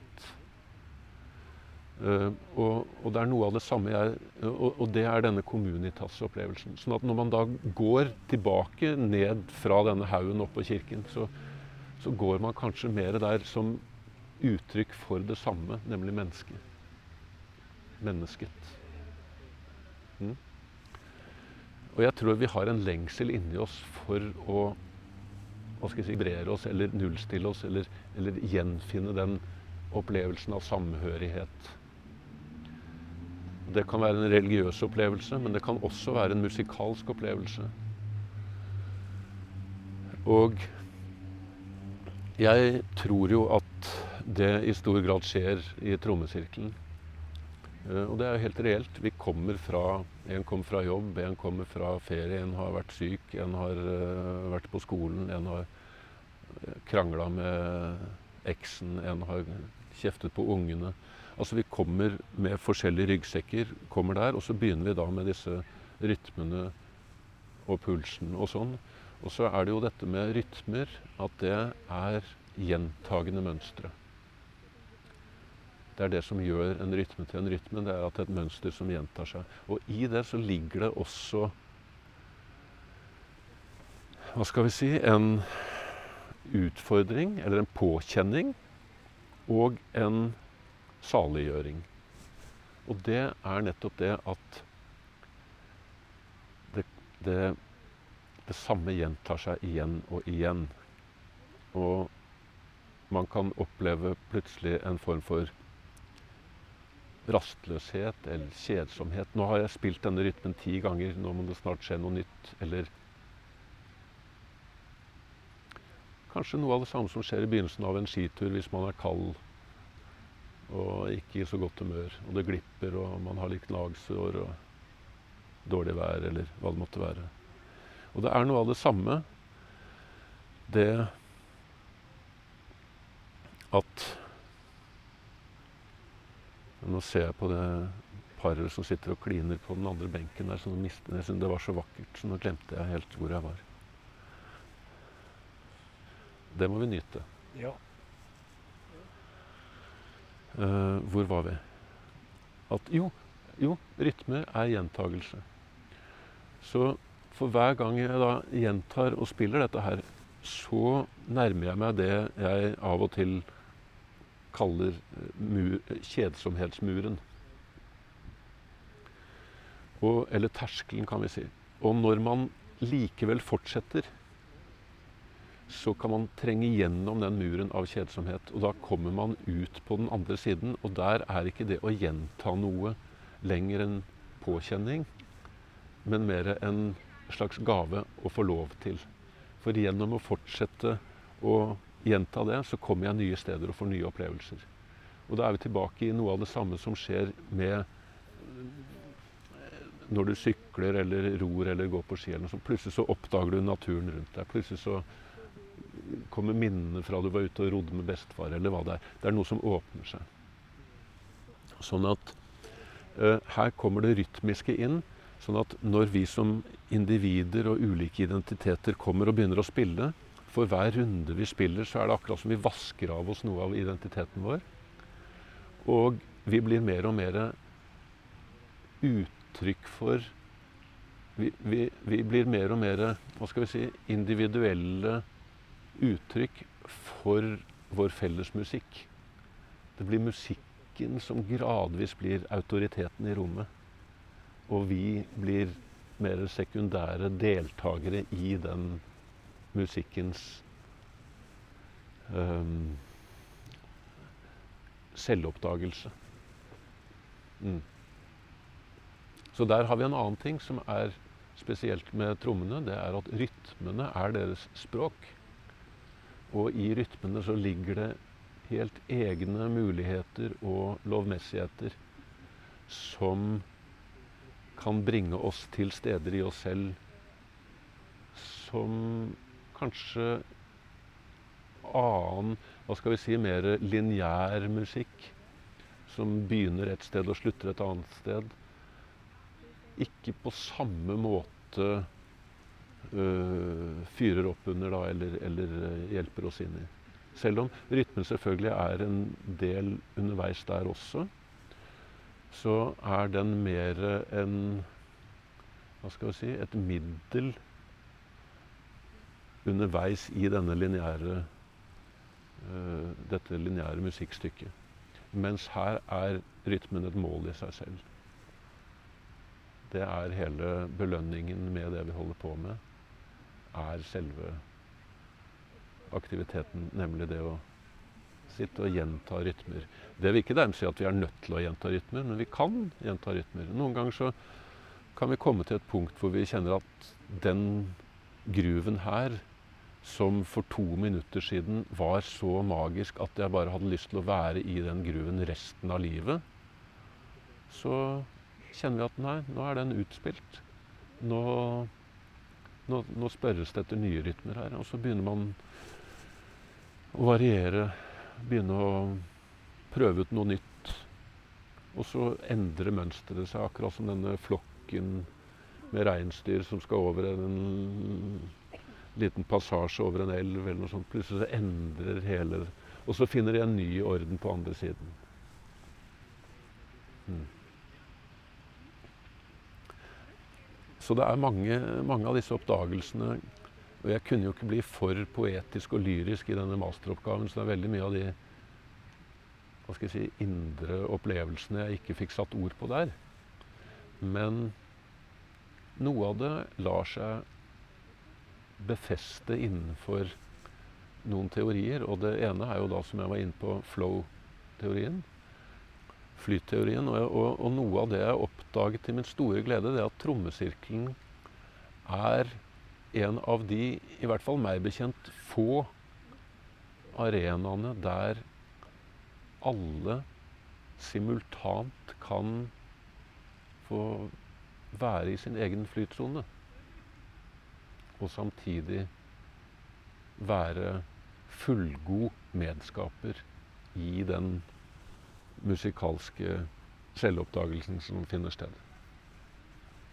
Og det er litt spennende, for veldig mange andre sammenhenger, enten det er danseskole, eller det er fotballtrening, eller det er eh, kammermusikkorkester, eller det er kor, eller hva det er, så vil det som regel være noen som er for å si det veldig banalt, veldig flinke. Og noen som ikke er så flinke. Og så vil du kanskje ha en majoritet som befinner seg et eller annet sted midt på. Mm? Og de vil kunne komme i flytsonen. Men de som ikke er så flinke, de vil kanskje falle av.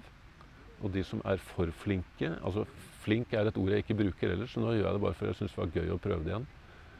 Uh, og for å gjøre det litt sånn uh, forenklet De som er for flinke, de kjeder seg. Og syns dette låter for dårlig til at det er noen grunn til å gidde å involvere seg. For for hver, hver rene tone jeg synger, så er det jo en som synger surt likevel. Er du med? Så det kan være en oppgave for deg å hjelpe meg med å prøve å finne altså inkluderende aktiviteter der alle kan få være i sin egen flytsone samtidig uten at det går utover aktiviteten uh, og de andre. Jeg er nysgjerrig på. For i trommesirkelen, så hvis du er nybegynner, så kan det godt hende at du opplever det som litt for skummelt å kaste deg for langt vekk fra pulsen. For pulsen er det trygge. Det er der du kjenner deg hjemme. Så kanskje du da sitter og spiller pulsen. Sånn at uh, da bidrar du til å styrke den uh, felles plattformen som, uh, som, er der. Det vil kanskje gjøre at naboen din eller en annen tenker at her er det en som tar seg av basis. Da kan jeg tillate meg å utforske litt rytmer jeg kunne tenke meg å prøve meg på. Så det gir kanskje stabilitet og forankring og en dypere kjøl som gjør at en annen kan tørre å ta litt flere sjanser. Mm. For det kan ikke den andre gjøre hvis det ikke er noe solid puls eller sikkerhetsnett under. Da er det, er det ikke sikkert det er like gøy. For da kan man lett ja, miste tilhørigheten eller følelsen av å øh, bidra. Da kan det hende at man heller opplever at man forvirrer eller forstyrrer de andre hvis man prøver seg på sånne gidi, gidi, gi, gi. gidi, gidi, gidi, Gi, gi. For, for at det skal ha noen funksjon, eller for at det skal kunne uttrykke en musik musikalsk struktur, så må man kjenne hvor pulsen er, hvor offbeaten er, hvor underdelingen er. Og for at de skal kunne være på plass, så må man ha de, de basiselementene til stede. Sånn at det var et bilde på da, at nybegynneren og den proffe kan ha gjensidig glede av hverandre. Og jeg tror de også har gjensidig glede av det. Og der vil jeg skyte inn også at jeg har flere venner som, som, som har som profesjon å spille trommer og perkusjon i symfoniorkesteret. En i Boston Philharmonic f.eks. Og likevel så kommer han på trommesirkel og spiller med mannen i gata. Fordi der får han ta del i noe som er helt annerledes. Og som har en helt egen smak, en helt egen touch, en helt egen evne til å overrumple og begeistre og kjenne noe duggfriskt over seg. For musikken oppstår i øyeblikket. I møtet mellom mennesker. Og det er noe, det er noe som ikke slår det, altså. Ikke istedenfor å spille Sibelius' Nye verden eller Wagner eller Ikke istedenfor, men det gir noe annet.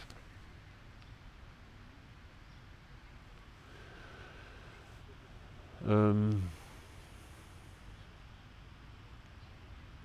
ja, takk for at du spurte meg om det, David.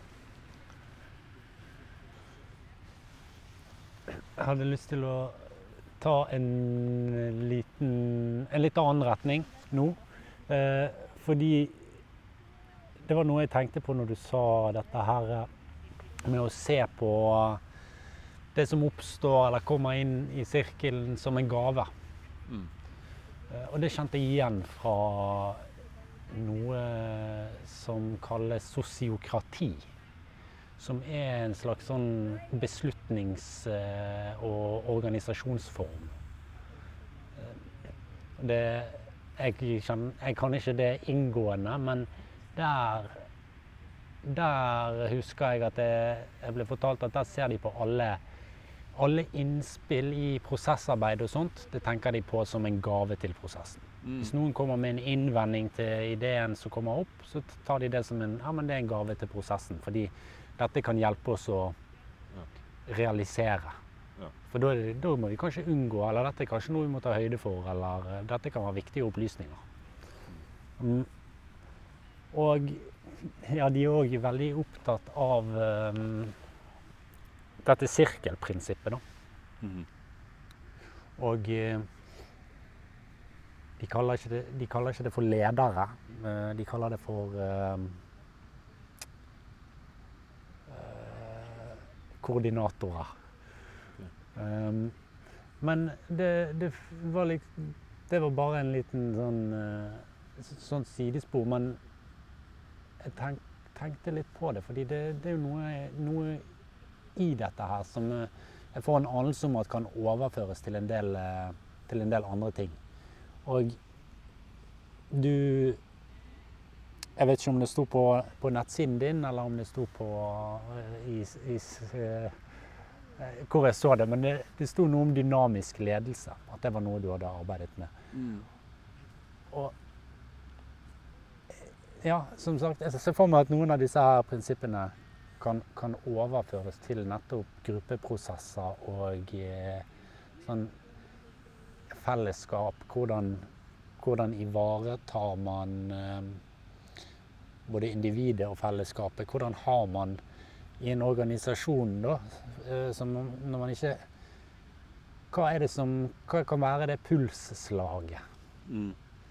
Um, og hvordan kommer man fram til et sånt mm. Hva er det som er vårt pulsslag i denne mm. virksomheten eller mm. organisasjonen? Er det, er det noe av det som ligger i dette her med dynamisk ledelse? Uh, ja. Uh, altså uh, vi, Skal vi ta det siste vi kan ta det siste først. og så kan, fordi hva er det som er pulsslaget? Jeg vil si at pulsslaget er jo ledelsen. Det er pulsen som leder alle rytmene. Eh, og da kunne det passe fint å fortelle om en gang jeg hadde en, en, et oppdrag. Det var den gangen det het Statoil. Så var det da de skulle ha en oppstartkonferanse i august etter sommerferien. Og det var tre forskjellige grupperinger som skulle arbeide sammen om et prosjekt.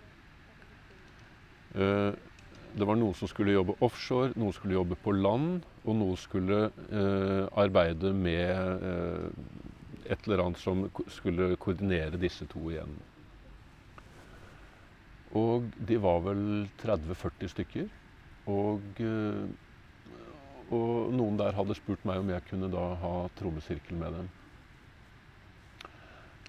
Og da begynte vi å spille sånn som uh, jeg pleide å gjøre på den tiden, og det funket ikke i det hele tatt. Og det kan ha litt med at alle kom fra sommerferie å gjøre. Folk hadde virkelig vært i sine individuelle bobler og skulle komme tilbake til det, et arbeidsfellesskap som var litt ute av uh, Hva heter det? Ute av takt? Eller ute av laget. Og da fikk jeg en sånn innskytelse. Og så spurte jeg de tre lederne for hver av disse gruppene om de kunne sette seg i midten i en trekant med hver sin pulstromme. Og så sa jeg at uh, nå skal dere få uh, hver av disse store trommene, for dere er lederne. Og så kan dere eh, begynne her, og så skal de andre følge dere. Og så begynte de.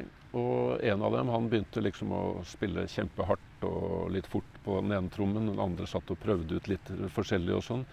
Men folk satt rundt med sine andre trommer og sine risteinstrumenter og frosker og alt mulig som store spørsmålstegn. De ante ikke hvordan de skulle For det som var tilfellet, det var at disse tre de satt og konkurrerte nesten.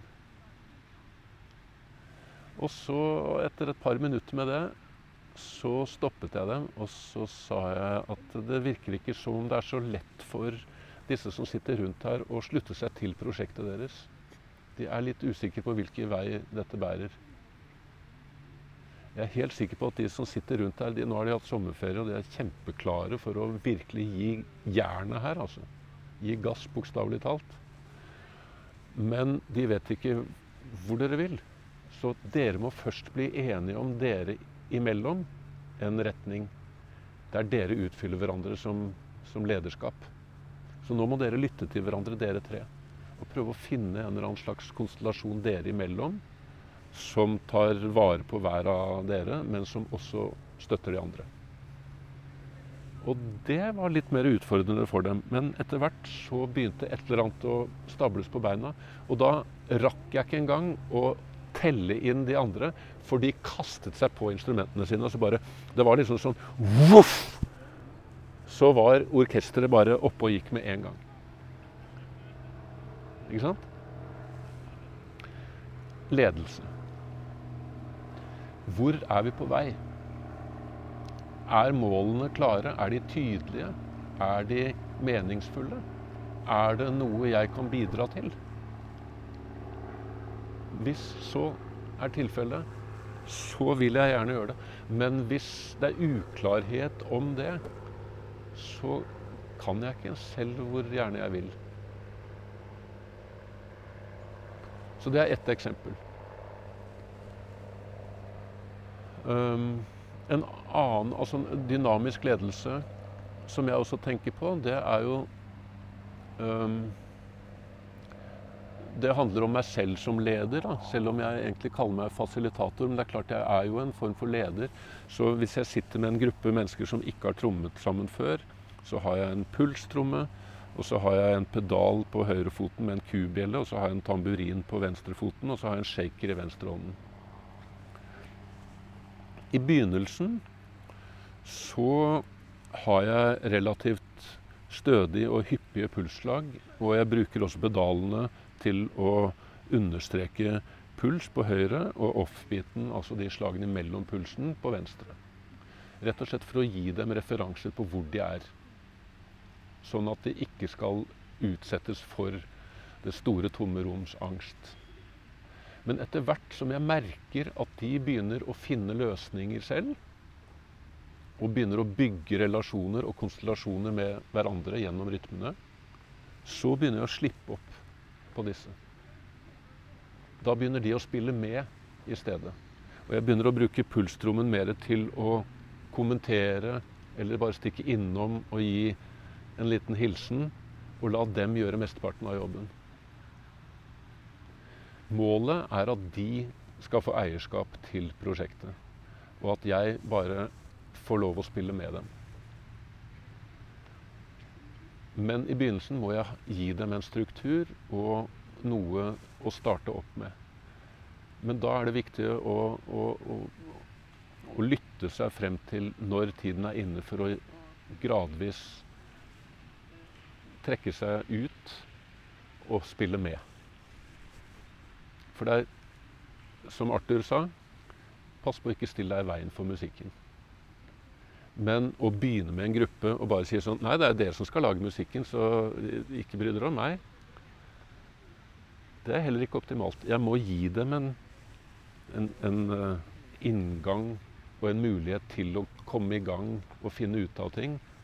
Og så vil de etter hvert oppdage hvordan ting fungerer, og ta egne valg, og etter hvert også overta mer av prosessen. Så det er liksom målet. Det er å gjøre seg selv overflødig. Og det tror jeg er målet for en god leder også.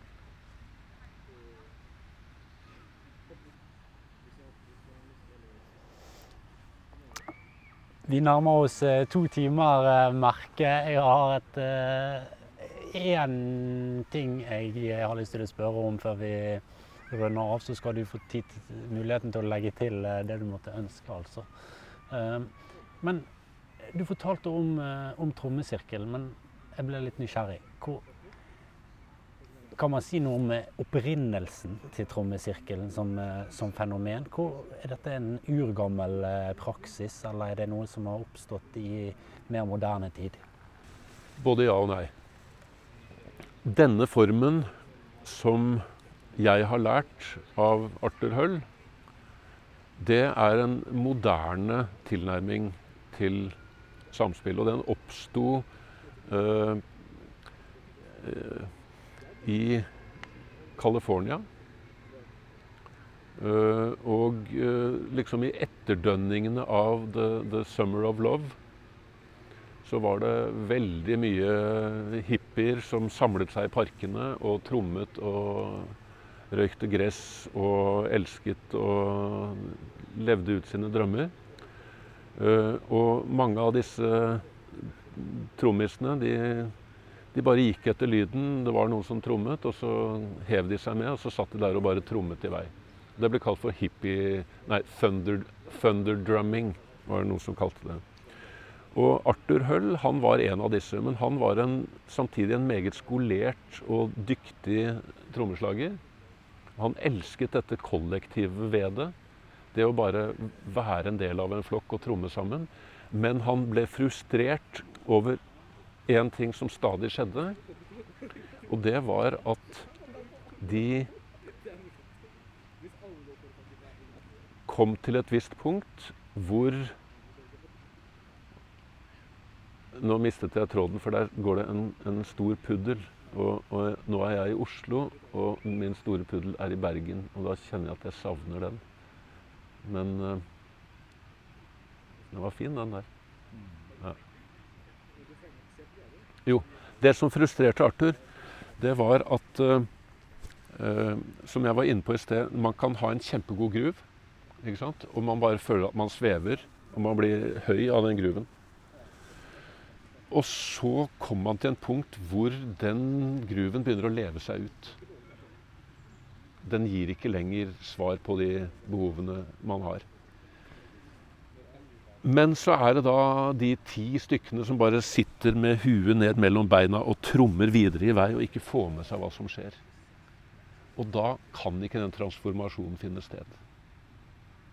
Og i stedet så alle disse tilløpene til en ny retning, til nye løsninger, til en ny transformasjon, det må man gi opp pga. disse få som ikke lytter.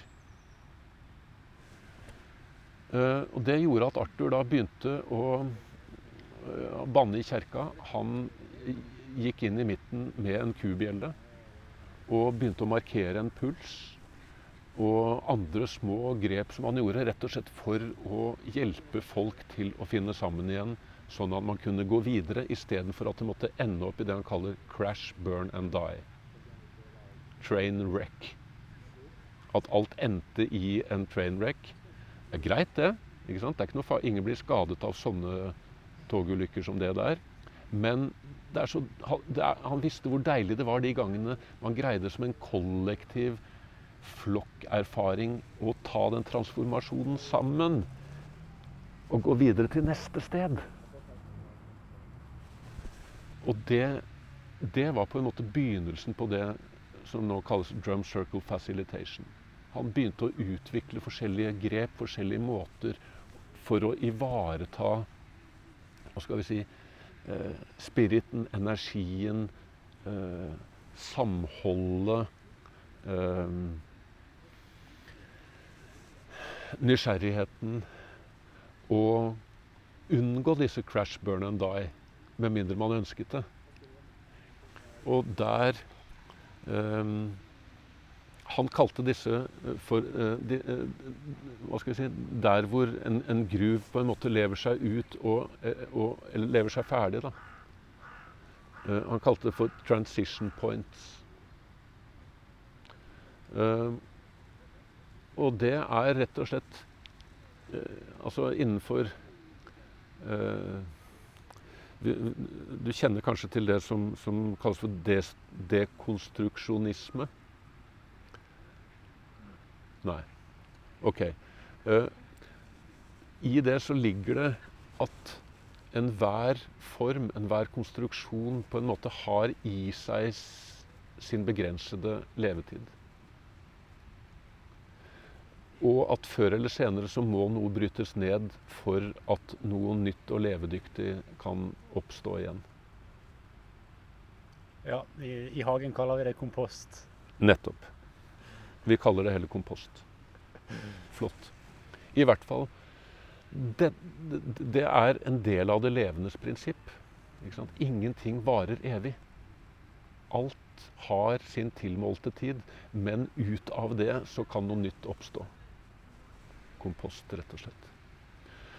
Og det var det Arthur på en måte Disse transition pointene opp, han, han, så på dem som spennende, transformative uh, nivåer eller, eller uh, tidsintensive lommer av tid der veldig spennende ting kunne skje. Og jeg tenker jo at dette her også skjer i andre flokker, enten man snakker om samfunn eller uh, populasjoner.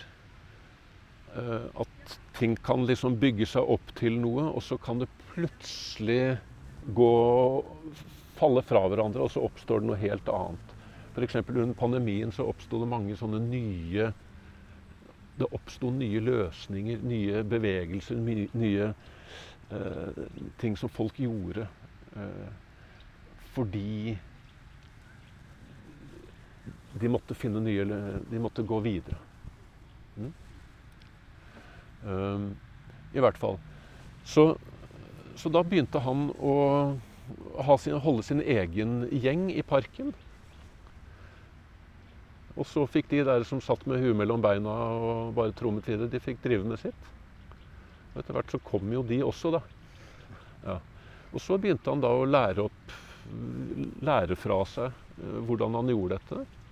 Og, og merket jo at uh, ja, Som jeg også har fått merke i min tur senere, da, at dette er noe som veldig mange mennesker har stor glede av. Og mye igjen for å få være med på. Det, og her kommer vi inn på noe annet, og det er jo det med musikksynet uh, i samfunnet. Og, og, hva musikk er, og har vært, og skal være for mennesker. For uh, du spurte om dette var noe som nettopp hadde oppstått, ikke sant? Ja. Men dette oppstår jo fordi det ligger i oss. Og det ligger i oss fra hundretusener av år tilbake. Det å bruke musikk som en måte å være sammen på. Musikk er en måte å være sammen på som har transformative krefter. Der vi kan oppleve oss selv som deler av noe større. Og Communitas, som vi var inn, innom. Dette og hvem er jeg? Hvem er vi? Jo, vi er de som gjør sånn. Ritualer, riter, myter som blir gjentatt og eh, Hva skal jeg si Illustrert, dramatisert, aktualisert gjennom ritualer. Så dette ligger jo i oss fra tidenes morgen. Og så har vi da bare i løpet av det siste knipset av menneskenes historie, altså tre toppen 400 år tilbake i tid, så har vi da fått det vi kaller for kunstmusikk. Altså det vi også kaller den klassiske musikken. Hvor musikken er noe som kan være noe i seg selv. Som kan fravristes folket. Før så har musikk alltid vært der hvor folk har vært. Så har musikk vært en samværsform. Men så har musikken i, i, i forbindelse med opplysningstiden og det man da kaller for uh, enlightenment age, opplysningstiden, ikke sant? hvor det oppsto en ja, en dualisme mellom det åndelige og høythevede og spirituelle og det jordiske, dyriske, banale, grove. Mm? Og denne dualismen har levd videre og lever fremdeles i beste velgående også innenfor populærmusikk og, og, og jazz og uh, all annen musikk. Nemlig det at det er bare noen av oss som skal drive med musikk. De spesielt begavede. Resten av oss vi må pent nøye oss med å kjøpe billetter og betale Spotify-avgiften vår, sånn at vi får tilgang til musikk. Og det er et musikksyn som er nytt. Det er bare et knips i menneskenes historie. Og jeg tror jo at trommesirkelen og andre former for tilsvarende hva skal vi si, menneskesyn, nemlig 'kom som du er', eller 'trom som du er', det er det man kaller for community music. Og Det finnes i England, det finnes i USA, Australia, New Zealand og litt i andre land, men særlig de stedene, hvor det rett og slett er folket som har krevd tilbake retten til å musisere. At det er en menneskerett å musisere. Ikke bare innenfor musikk, innenfor kunst i det hele tatt. Community arts. Så dette er også et menneskesyn. Um, og um, Skal vi se, hvordan kommer jeg tilbake til det, da? Um, for du spurte meg Hva var spørsmålet ditt? Ja, jeg tror det var tilbake til om, om dette var et uh, moderne fenomen eller ja. et, uh, en eldgammel praksis. Uh, Nettopp. Nettopp. Nettopp. Sånn at ja, det er nytt i den forstand at Arthur fanget opp dette ut ifra det behovet han støtter på. Men ja, det er gammelt. Og det er nettopp det jeg tror er noe av grunnen til at han og andre som driver med community music eller community arts, de merker at folk har et behov for det.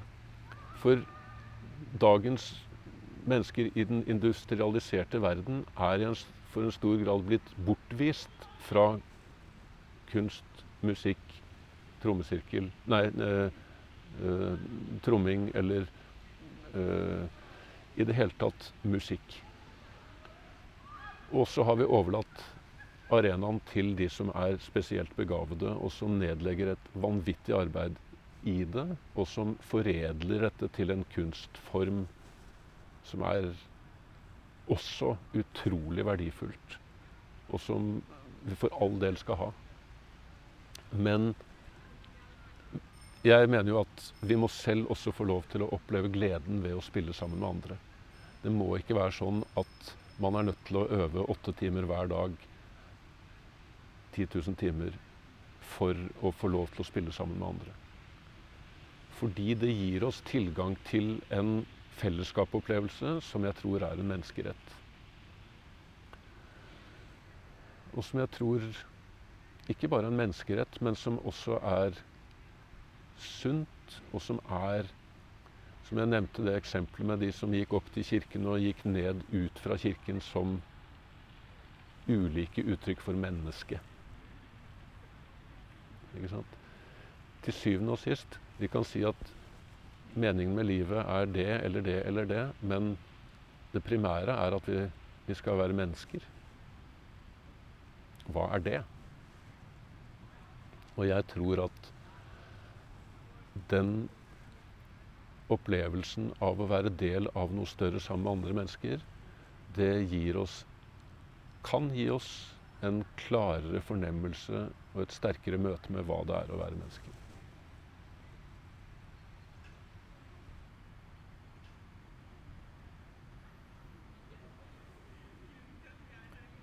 Ja.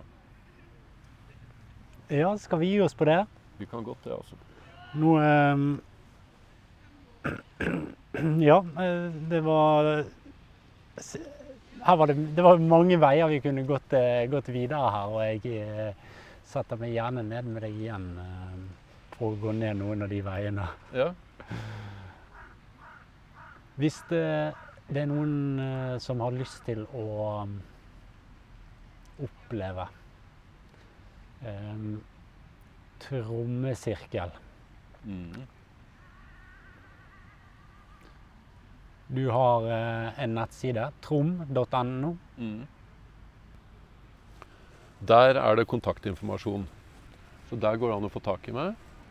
Eh, hvis man bor i Bergen, så har vi nå for tiden det vi kaller for eh, mandagstromming.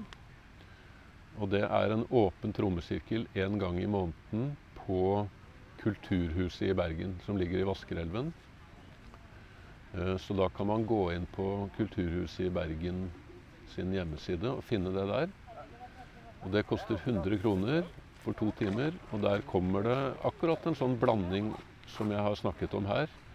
Der kommer det noen som aldri har tatt i en tromme før. Der kommer det musikkterapistudenter som har trommet masse før. Der finnes det alle slags yrkesgrupper, flere forskjellige nasjonaliteter. Og hver gang blir helt spesiell. Uh, kjempegøy. Og det er på en måte mitt hjertebarn, for der Det er min hva skal jeg si, min lekegrind. Der er, jeg føler ikke at jeg er på jobb. Sånn at uh, inngangsbilletten der går til å dekke mesteparten av lokal, leie av lokalet. Og ellers så leker jeg med dere. Uh, og jeg pleier å ha det veldig gøy. Så det er en mulighet. En annen mulighet det er å invitere meg til arbeidsplassen. Eh, enten å spille med deg og dine kolleger, eller hvis du jobber i en barnehage eller et eldresenter eller en skole eller en institusjon, så trommer jeg med utviklingshemmede, både barn og voksne, flyktningegrupper, øh, funksjonshemmede, både folk med hørsels, eh, nedsatt hørsel, eh, også eh, nedsatt syn. enten helt borte eller litt. Um, I det hele tatt, der det er mennesker samlet, der finnes muligheten for at det oppstår helt unik musikk i møte mellom nettopp de menneskene. Så det går an å invitere meg. Nå ble det reklame nå plutselig. Jeg trodde dette skulle være reklamefritt, men det, OK, greit. Nei, såpass, såpass eh, reklame må vi ha. Okay. Det er mer en eh, synliggjøring. Ja. Um, var det noe mer du eh, tenkte på mens vi satt her som du eh, har lyst til å få ut? Ja. Jeg begynner å fryse. Jeg òg. Ja, men jeg har kortbukser. Du har det. Jeg har lange Jeg har- Du har lange bukser. Ja, det begynner å Solen har gått ned eh, over eh, Vigelandsparken. Ja. Tusen takk, Lars. Selv takk. Det var veldig gøy å få lov å, å, å slippe til med så mye av det jeg går eh, og tenker på. Ja, takk. Da tar jeg den.